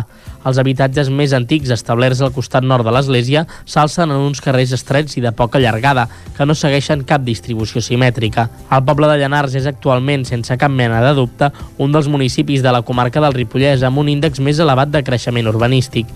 Els primers assentaments humans establerts a Llanàs daten de l'edat del bronze. Dels dos vestigis prehistòrics que hi ha al municipi, el més important és la cova de la Randilla, que està situada a la base d'una formació calcària a uns 100 metres de desnivell respecte a la riera del Feitús. L'altra cavitat, coneguda amb la denominació de les Salines, presenta unes característiques similars a la cova de la Randilla. Els llocs d'interès més destacables són la cova de la Randilla, l'església parroquial de Sant Esteve i l'edifici de la rectoria. L'església parroquial de Sant Esteve és l'element arquitectònic més important del municipi. Presideix una espaiosa plaça situada a tocar de la carretera. És d'estil romànic i va ser consagrat per Guillem de Peratallada, bisbe de Girona, el 10 de novembre de 1168. Es tracta d'una construcció d'una sola nau, coberta amb una volta de canó i amb un absis semicircular a l'est. A cada ala del creuer hi ha una capella afegida a l'estructura original. Pel vessant sud hi ha la sagristia d'època posterior. La capella de mà dreta acull el valuós frontal d'altar. Aquesta és l'única peça artística de l'època romànica de la comarca del Ripollès que es conserva al seu lloc originari. Aquesta obra d'art data de la segona meitat del segle XII, moment en què tenia vigència el moviment artístic del neobizantinisme, que propugnava el retorn de la rigidesa de les figures humanes en contrast amb una certa humanització dels personatges. El poble de Llanàs porta l'encant incorporat en només fer una volta pels seus carrers, però més us recomanem uns paisatges naturals espectaculars. D'una banda, com tots els del voltant, és un poble d'aigua, on a banda del riu Ter hi passa la riera de Faitús. Al barri que rep el mateix nom que la riera hi ha la majoria de fonts del municipi. Però a banda de l'aigua podeu gaudir de l'àmplia vegetació de la vall de Camprodon i les zones verdes d'Aventura i Camps de Llanàs.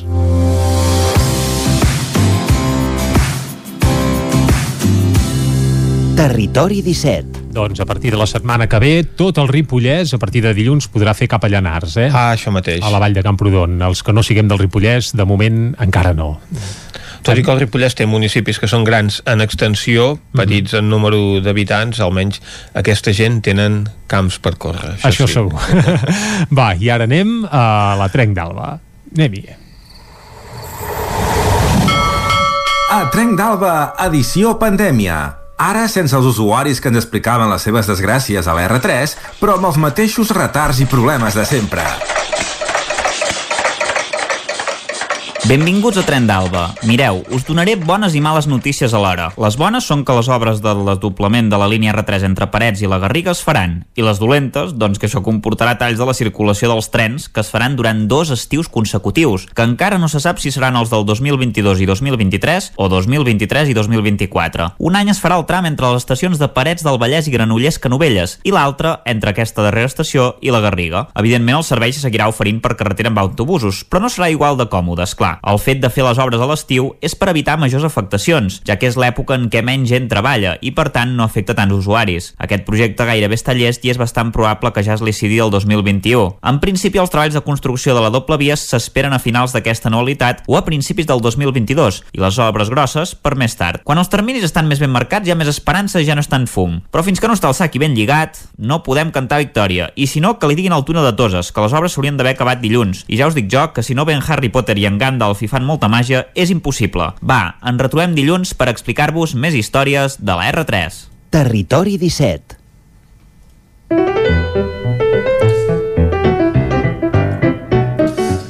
Si en Harry Potter ens ha d'arreglar lo de la R3, ho tenim clar, eh? Ara, ara, estem ben arreglats. Sí, sí, sí, sí, sí.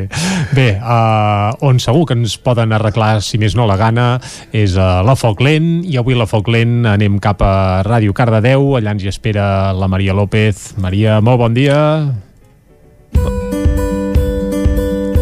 dia i benvinguts a un nou A Foc Lent des de Cardedeu. I avui ens hem desplaçat fins a un lloc de pas. És que és quasi impossible no arribar fins aquí, perquè està just enganxadet a l'estació de tren. Parlem de Can Ferran, un lloc, un establiment relativament nou perquè fa al poble, però no amb la seva història. I avui parlarem amb l'Ester Rodríguez, eh, que està al, al capdavant o forma part de la família que està eh, portant aquest negoci. Bon dia, Ester. Hola, bon dia a tots. Moltes gràcies d'entrada per, per acollir-nos aquí, que més he entrat així amb sota persiana de moment, Sí. perquè amb els horaris de Covid tot està una mica més, més limitat. sí, sí, sí. Però bé, anem a explicar una miqueta d'on surt Can Ferran, d'on neix, perquè com dèiem és relativament nou a Cardedeu, però no és nova la seva història. Esther, d'on ve Can Ferran? Bueno, nosaltres vam començar fa potser 12 anys per un canvi de- no, d'orientació de, de la feina i, i bueno, vam estar a primer a Cardedeu aquí als Estalvis, a la Xurreria que molta gent suposo que ens recordarà. Vam estar un, un anyet i després vam passar a Sant Celoni a Can Ferran també, es deia amb el meu marit, vam posar el mateix nom i allà vam estar 10 anys ben bons, treballant bastant bé bueno, fins que va acabar problemes de contracte que no ens van posar d'acord i tal. I hem estat ballant una miqueta fins que hem tornat una altra vegada a Cardedeu, aquí a casa Perquè, això has dit, aquí casa, perquè vosaltres sou d'aquí, de Cardedeu. Sí, sí, sí, sí. Un cop aquí a Cardedeu trobem Can Ferran, eh, que a més a més a mi em crida molt l'atenció el dibuix aquest que hi ha a l'entrada. Qui són? Representen algú aquest dibuix de l'entrada? Sí, sí, sí, això és una caricatura que ens van fer quan nosaltres érem nòvios, que ja portem 30 anys casats, i som nosaltres, el Ferran i jo. Doncs aquí amb aquesta caricatura que trobem a la, a la porta dels de, capdavant de família d'aquesta família que porta Can Ferran anem a descobrir una miqueta més. Què podem trobar? Perquè des de fora la veritat és que es veu moltíssima cosa. Potser dona la sensació de cafeteria però trobes a l'hora quan comences a llegir vas veient que hi ha plats i hi ha menú i aquí és dinar, té pinta de dinar-se molt bé. Explica'ns una miqueta quin seria, quin seria d'entrada per tu el plat estrella i una mica què més podem trobar? El plat estrella, no sé, els cuinats, mm, tot és molt tradicional. Tinc una cuina molt tradicional, no? de, dels meus pares i de receptes de, de les àvies i tal, i cuino com, com abans.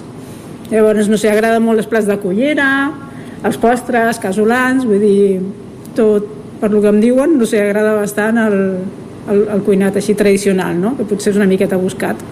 Anem a centrar-nos a veure, per exemple, què tindríem pel menú d'avui, què hi hauria, quines propostes tindríem, així, de primers i de segons, i després potser ens, ens agafarem un. Va, et diré jo què menjaria avui. Vale, va. Tinc avui de primer tenim la amanida d'arròs, tenim mongetes estofades del plat de cullera, després de cullera de crema he fet crema de, de pastanaga, mm, tenim espaguetis a la carbonara, què més tenim avui? Ou enremenat de, de verdures, amanida verda, vull dir, sempre vaig fent variat, intento que n'hi hagi plat de cullera, una crema, ara al- a l'hivern, amanida, una pasta, i algo d'ous o el que sigui, i sempre que si són 5 o 6 plats, la meitat sempre són vegetarians. Aquesta és una altra de les gran, dels grans què, no?, avui dia, perquè fa uns anys enrere era, possi- possiblement et podries trobar que anessis a qualsevol restaurant no tinguessis opció vegetariana. Sí. Ara no sols hi ha opció, sinó que ocupen gran part de la carta, oi? Sí, jo m'obligo. La meitat sempre és, és opció vegetariana. Aquí tindríem els primers. D'aquests primers, quin posaries la mà al foc que serà el que més es demanarà avui? La mongeta, la mongeta estofada, suposo. La cullera, eh, que dèiem abans, tot, tot i que comença a fer una mica de calor, de calor la gent encara tira de Sí, sí, encara li agrada bastant, sí, sí, és una cosa que agrada bastant, la cullera. D'on surt aquesta recepta de la mongeta estofada? Aquesta és de la meva mare. I té secrets o no té secrets? és que tot el que cuino no té secrets. Vull dir, és, és tot molt, molt fàcil, molt fàcil. I uns quants grams d'amor, que això sempre diuen de carinyo, no?, quan es cuina. Passió. Jo, la, Passió. ve- sí, jo crec que és la passió, que t'agradi fer les coses i vulguis fer-les bé i amb la passió i no sé, et surt, et surt la cosa bastant bé. Ets cuinera de passió, de vocació? O ha sigut una mica més allò de casualitats? Ha sigut casualitat, però sóc mm, molt exigent i llavors m'agrada fer les coses bé. I m'hi dedico al 100, no al, al 200%. I això s'acaba notant a la cuina, també, eh? Suposo que sí, suposo que sí. Anem a veure els segons plats. Què tindríem per avui? A veure. Bo, els segons n'hi ha moltíssima cosa. Tenim brases, perquè nosaltres fem brasa també. Tens la botifarra, la botifarra negra, la cansalada, peus de porc, pollastre, xurrasco. I després tens cuinats, no? Que posem la cassola de callos, que d'això també agrada bastant. No sé per com diuen a mi. la galta al forn, el garró, peus amb cargols, bacallà amb sanfaina o a la llauna. Veus que tot és molt, molt tradicional no, i molt casolà. D'aquí, a veure, a mi em criden, per exemple, el, els peus de porc amb cargols. Sí. És una combinació, personalment no l'havia vist, no, No? l'havia vist abans. És antiga, és una cosa antiga, diguem, no? de, de tradició. I d'on surt aquesta recepta? Aquesta me la va ensenyar eh, eh, del meu pare, que era de la seva mare. Secrets? jo vaig intentant si descobreixo aquí la recepta de la Coca-Cola, saps? Però... No, és que realment és tot molt tan senzill de fer, vull dir, és tot a base de sofregits i, i xup-xup. Jo, a, a veure, hem tirat per un primer, jo crec que igual explotaria una mica, eh? perquè hem tirat de primera mongeta i si de segona em demanen uns peus, uns peus de porc amb cargols, crec que no, surto, surto d'aquí rodolant. A veure, tindríem un postre que m'ajudés a baixar això una miqueta? Home, baixar, baixar, no, perquè... això, als nivells als que he arribat, això no es baixa Sí, sí, ni sí. a migdiada, potser, eh? No, no, perquè aquí realment el que surt molt és l'arròs amb llet, que el faig jo, que també diuen que està molt bo, això no et baixa. No, exacte, o sigui, no, si El fes de primer una mongeta, de segon els peus amb cargols i de tercer un, un arròs amb llet, jo no em moc d'aquí, ja hauríeu de fer un restaurant de migdiades amb zona, amb zona per Exacte, reposar, eh? exacte. Bueno, s'estan l'estoneta aquí, que s'estan a gust també, no? Vull dir que... Aquesta és una altra de les coses que t'anava a dir, perquè és que més també teniu espai de terrassa, o sigui, des de, que no es veu des de fora, però s'ha d'entrar i s'ha de veure que de fora hi ha un espai de terrassa on dona el sol, i ara mateix la veritat és que l'estic veient i pinta, té molt bona pinta. Té bastant d'èxit ara, sobretot amb tot el tema del Covid, oi? Sí, sí, sí, ahir per exemple tothom va dinar a la terrassa, tothom, vull dir, va molt buscada. I el local és molt maco, o sigui, a mi m'agrada molt, em està enamorada. Jo quan el vaig veure dic, és que ha de ser aquest. Ha, ha de ser aquest, no? Sí. Sí. Un fletxazo, que en sí, diuen, sí, no? Sí, sí, totalment, totalment. Com us heu muntat una mica ara així amb aquesta època més, més complicadeta que estem visquent a nivell, de, a nivell de Covid? Esteu fent entregues a domicili o menjar per emportar o directament heu parat l'activitat fins que heu pogut tornar a obrir aquestes horetes de migdia? No, ens hem dedicat exclusivament aquí, a esmorzar fins l'hora que, que podem, fins a les 9 i mitja i al menú perquè realment vam intentar el per emportar i no ens sortia a compte vull dir, a part no són coses que, que et demanis per emportar a casa no, no és una pizza no és un eh, ens surt millor vull dir, directament al, a l'horari que, ten, que ens tenen establert i, i ja està Sí, potser uns peus de porc o unes mongetes per portar Sí. a casa més complicat, no? És més complicat, a veure, que també s'ho emporten, eh? I la brasa i tal, però no funciona tant. Llavors, tantes hores, vull dir, clar, si arribem aquí a les 7 del matí fins a les tantes de la nit, no et surt rentable. A més, som tres, vull dir, és la família. Darrere d'aquí esteu vosaltres dos i està el vostre fill, també? Sí, l'Àlex. Sí, totalment portat per tota la família, eh? Sí, sí, sí. Tenim una noia que ens ajuda, perquè no és de la família, però com si ho fos, no, ja? però sí, sí, és, és familiar totalment. Uh, ara dèiem, us heu, us heu adaptat una miqueta a l'horari. No sé si habitualment també teniu sopars o el tipus de menjar igual no convida tant per sopar. Sí, sí, perquè el sopar és totalment diferent. Mantenim els mateixos postres, però també els plats cuinats, però tenim molta varietat de tapes. És, és diferent, no fem, no fem el menú. Quin tipus de tapes podríem trobar si vinguéssim a sopar? El, el lacón, a la gallega, mm. el pop, eh, croquetes, croquetes de, no, de pernil o de, de bolets... O sigui, estem parlant de, de, de, això, t'anava a dir, no és unes xips i unes olives. O sigui, No, no, aquí no. hi ha cosetes de, de, de qualitat, eh, que diríem. Sí, sí, i coses elaborades, eh? Vull dir, perquè clar, després tinc l'ajuda també, en aquest cas, que són tapes i això, el que és tradició és cosa meva, diguem, de, de família i coses que, que, que he après jo. Però sobretot la, la nit, són coses més d'innovació, m'ha ajudat molt el meu fill. Tinc un altre fill, que té 25 anys, que viu a Madrid, i és cuiner des de fa 9 anys, és xef, uh, sempre ha treballat en estrelles Michelin, llavors ell sempre moltes receptes són seves. Escolta, aquí indirectament acaba, tenim un mig xef d'estrelles Michelin aquí Sí, sí, a Can soc- Ferran de manera indirecta o per herència, com diem. Exacte, jo soc, jo soc aprenent seva. Sí, sí, sí, m'ensenya a fer coses. El flan, per exemple, és recepta seva i moltes coses del vespre, les croquetes de pernil són recepta seva. Vull dir, Hi ha moltes coses que són seves. Doncs escolteu, eh, amb aquestes, amb, aquest, bueno, amb, amb la, la boca una mica fent salivera ja d'aquest de que tots aquests plats i amb aquestes indicacions de bon menjar per dinar, menjar tradició i menjar de cullera i amb unes tapes que sonen molt i molt bé als vespres quan puguem tornar a obrir els vespres ja sabeu on teniu a Can Ferran i tota aquesta gran família que tira endavant el negoci. Moltes gràcies, Esther. A vosaltres per ser aquí, moltes gràcies.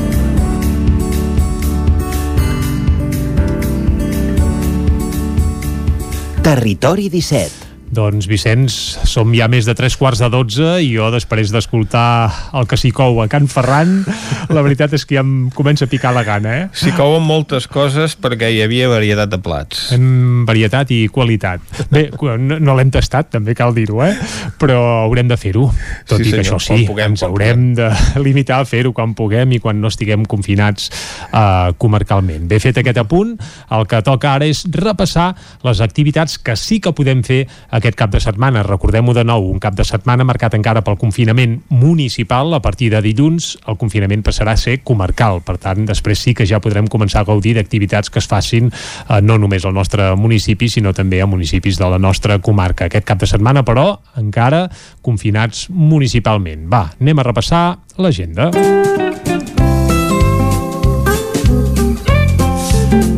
I el repàs, Vicenç, per on l'arrenquem? Doncs anem a veure què és el que es programa per aquest cap de setmana i el que farem en primer lloc és anar cap a Ràdio Cardedeu amb l'Òscar Muñoz. Bon dia de nou, Òscar. Bon dia. Quina activitat hi ha per aquests propers dies? Doncs comencem per avui. Uh -huh. Em dissabte, bueno, avui i demà hi havia la Fira del Disc a la plaça de Lluís Perpinyà Granollers, però queda anul·lada. Oh. Bé, Sí, sí no, no, consultar. també cal parlar també de les coses que s'anulen, perquè no fas Ah, que hi exacte, fessin perquè- cap, arribem allà i després no ens les trobem. Ah, uh, clar, aquest cap de setmana començaria a ser de carnavals, algun, Mhm. i em sembla que també n'hi haurà pocs, eh? però vaja, en parlarem també. Seguim, sí. Òscar. També tenim la Fira d'Artesans a la plaça de la Corona, aquella petita fira amb, amb molta varietat de productes artesans locals o d'importació i a bon preu, doncs aquesta fireta a la plaça de la Corona. Aquesta Recordar sí que que avui fa. també hi havia... Aquesta sí que es fa, eh? Aquesta sí que es fa. Val, perfecte, I recordar avui perfecte. també hi havia el, te- tenim el, el quartet Jordi Vinyals a dintre del 31è Festival de Jazz Uh-huh. a les 8 de la nit a, a Granollers.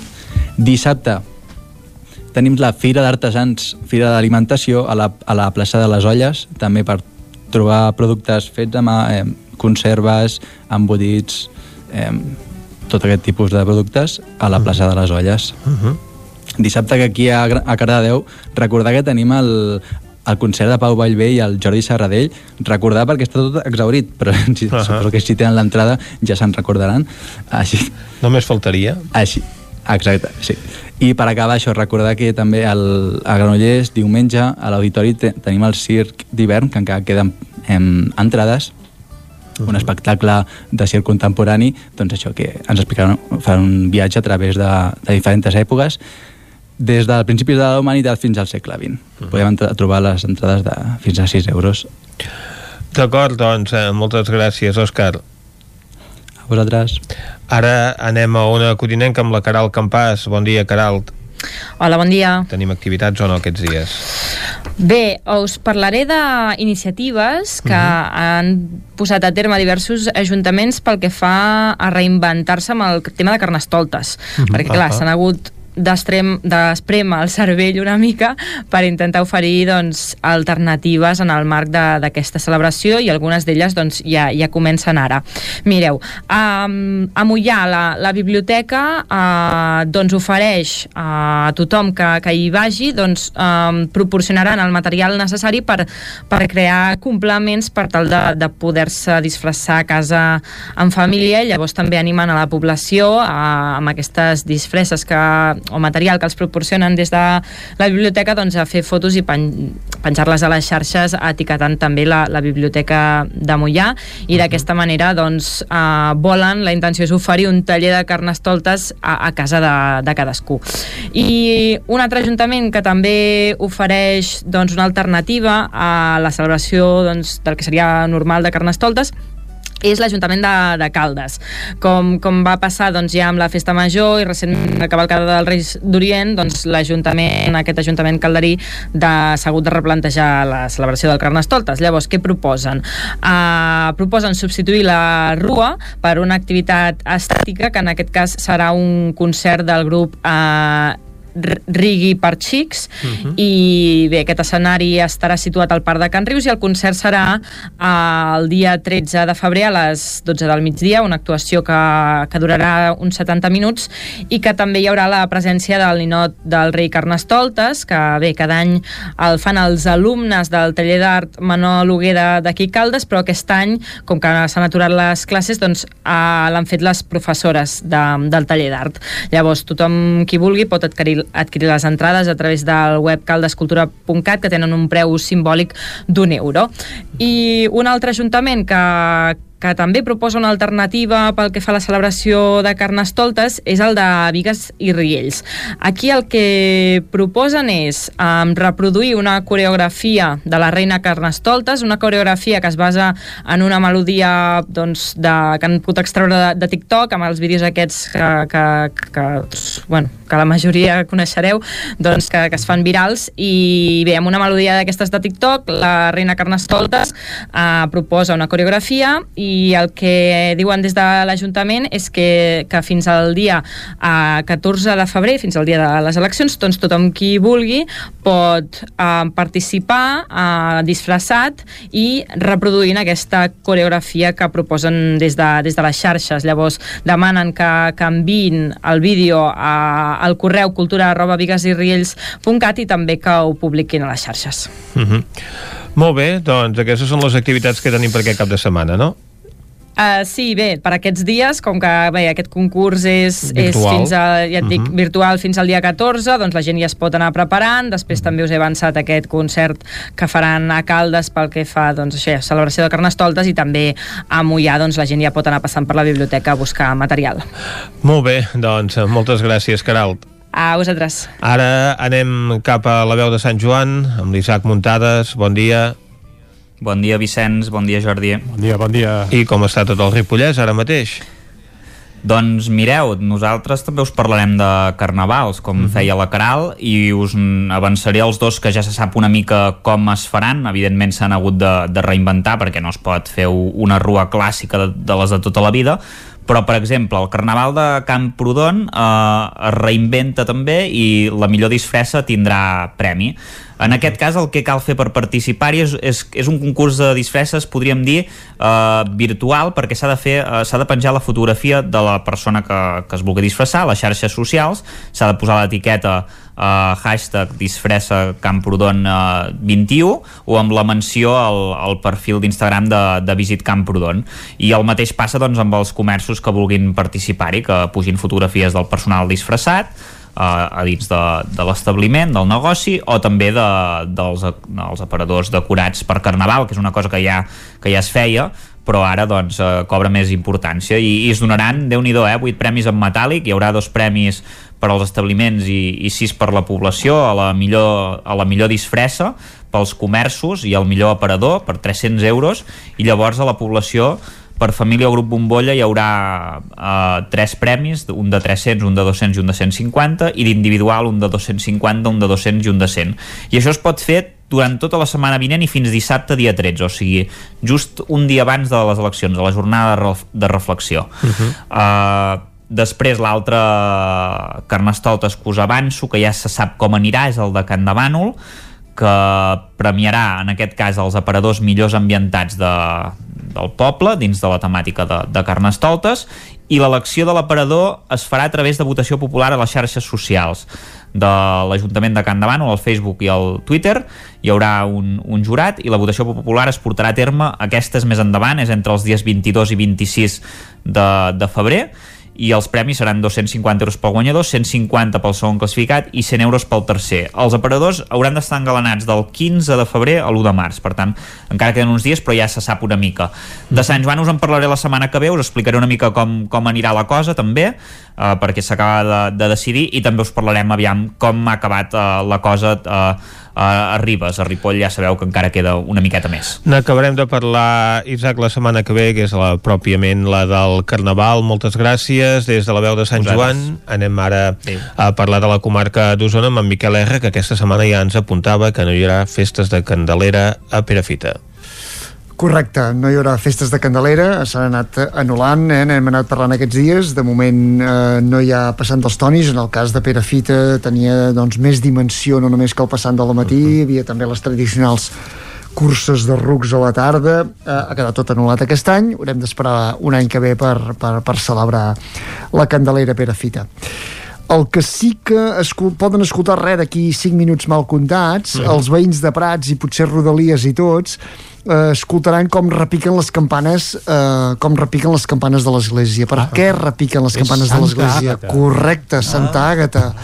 I com que els catalans en sabem molt de, de commemorar derrotes, doncs els de Prats, el 5 de febrer de 1714, doncs resulta que les tropes de Felip V van incendiar i saquejar el poble Vaja. i des d'aleshores rememonen una mica aquests fets, no? I ho fem eh, amb un to reivindicatiu perquè la, la situació ho porta però també amb aquest punt festiu que hem sabut posar els catalans quan, quan han, han vingut mal dades la qüestió que aquest any ens quedem sense alguna de, algun dels actes. Hi havia mm, les xeres que il·luminaven el vespre que hi havia eh, una mica eh, en aquest sentit que il·luminaven totes les places així amb instal·lacions de foc i llum. Això no hi serà, però sí que hi ha el repic ara, eh, tot just ara i també s'inaugurarà una exposició que es podrà visitar tot el cap de setmana que es diu que no s'apagui la llum organitzada per la Casa de l'Eure i el mateix Ajuntament i també al migdia organitzar per Òmnium una altra exposició que es titula Amnistia Ara. Per tant, una, una mica de celebració i també commemoració i reivindicació tot plegat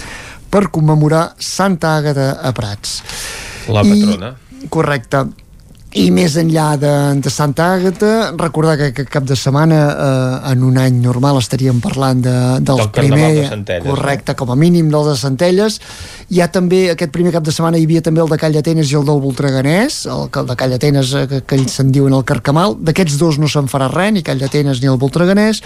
En canvi, Centelles han muntat un carnaval així una mica virtual, que de fet ja va començar amb el pregó diumenge passat, hi han hagut propostes així en línia durant tota la setmana i durant el cap de setmana eh, la gent que vulgui a través, podrà penjar fotografies disfressat a, a, a través d'Instagram i eh, durant la setmana que ve se sabran els premiats, hi haurà també allò, se'ns han establert tres premis de, de fins i tot allò amb remuneració i tot, de 175 i, i 50 euros per les millors disfresses. Uh -huh. ja dic que aquest any, uh, l'any passat els carnavals van, van tancar uh, Van allò, just. van Pels tallar pèls, just, pels eh, pels pèls. els quatre caps de setmana els vam tenir tots sencers encara, pels pèls, l'últim cap de setmana encara folgueroles i, i, i el següent ja, ja ens confinàvem. Aquest any, eh, com a mínim aquest any, seran els grans damnificats. Efectivament. Doncs ens quedaran els carnavals confinats a les poques activitats que es duguin a terme i de forma doncs, telemàtica per celebrar aquesta festivitat tan participada i amb aquest repàs a l'actualitat del cap de setmana el que fem ara és tancar el territori 17 d'avui. Un territori 17 que tornarà dilluns i que avui hem fet Meritxell Garriga, Caral Campàs, Isaac Muntades, David Auladell, Pepa Costa, Isaac Moreno, Dolors Altarriba, Jordi Givert, Òscar Muñoz, Esther Rovira, Jaume Espuny, Maria López, Miquel R, Jordi Sunyer i Vicenç Vigues. Nosaltres tornarem dilluns, com sempre, des de les 9 del matí i fins a les 12 del migdia. Adeu. Siau, bon cap de setmana.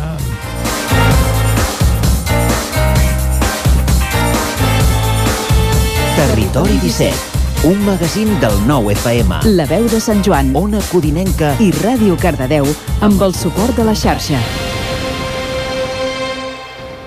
El nou FM.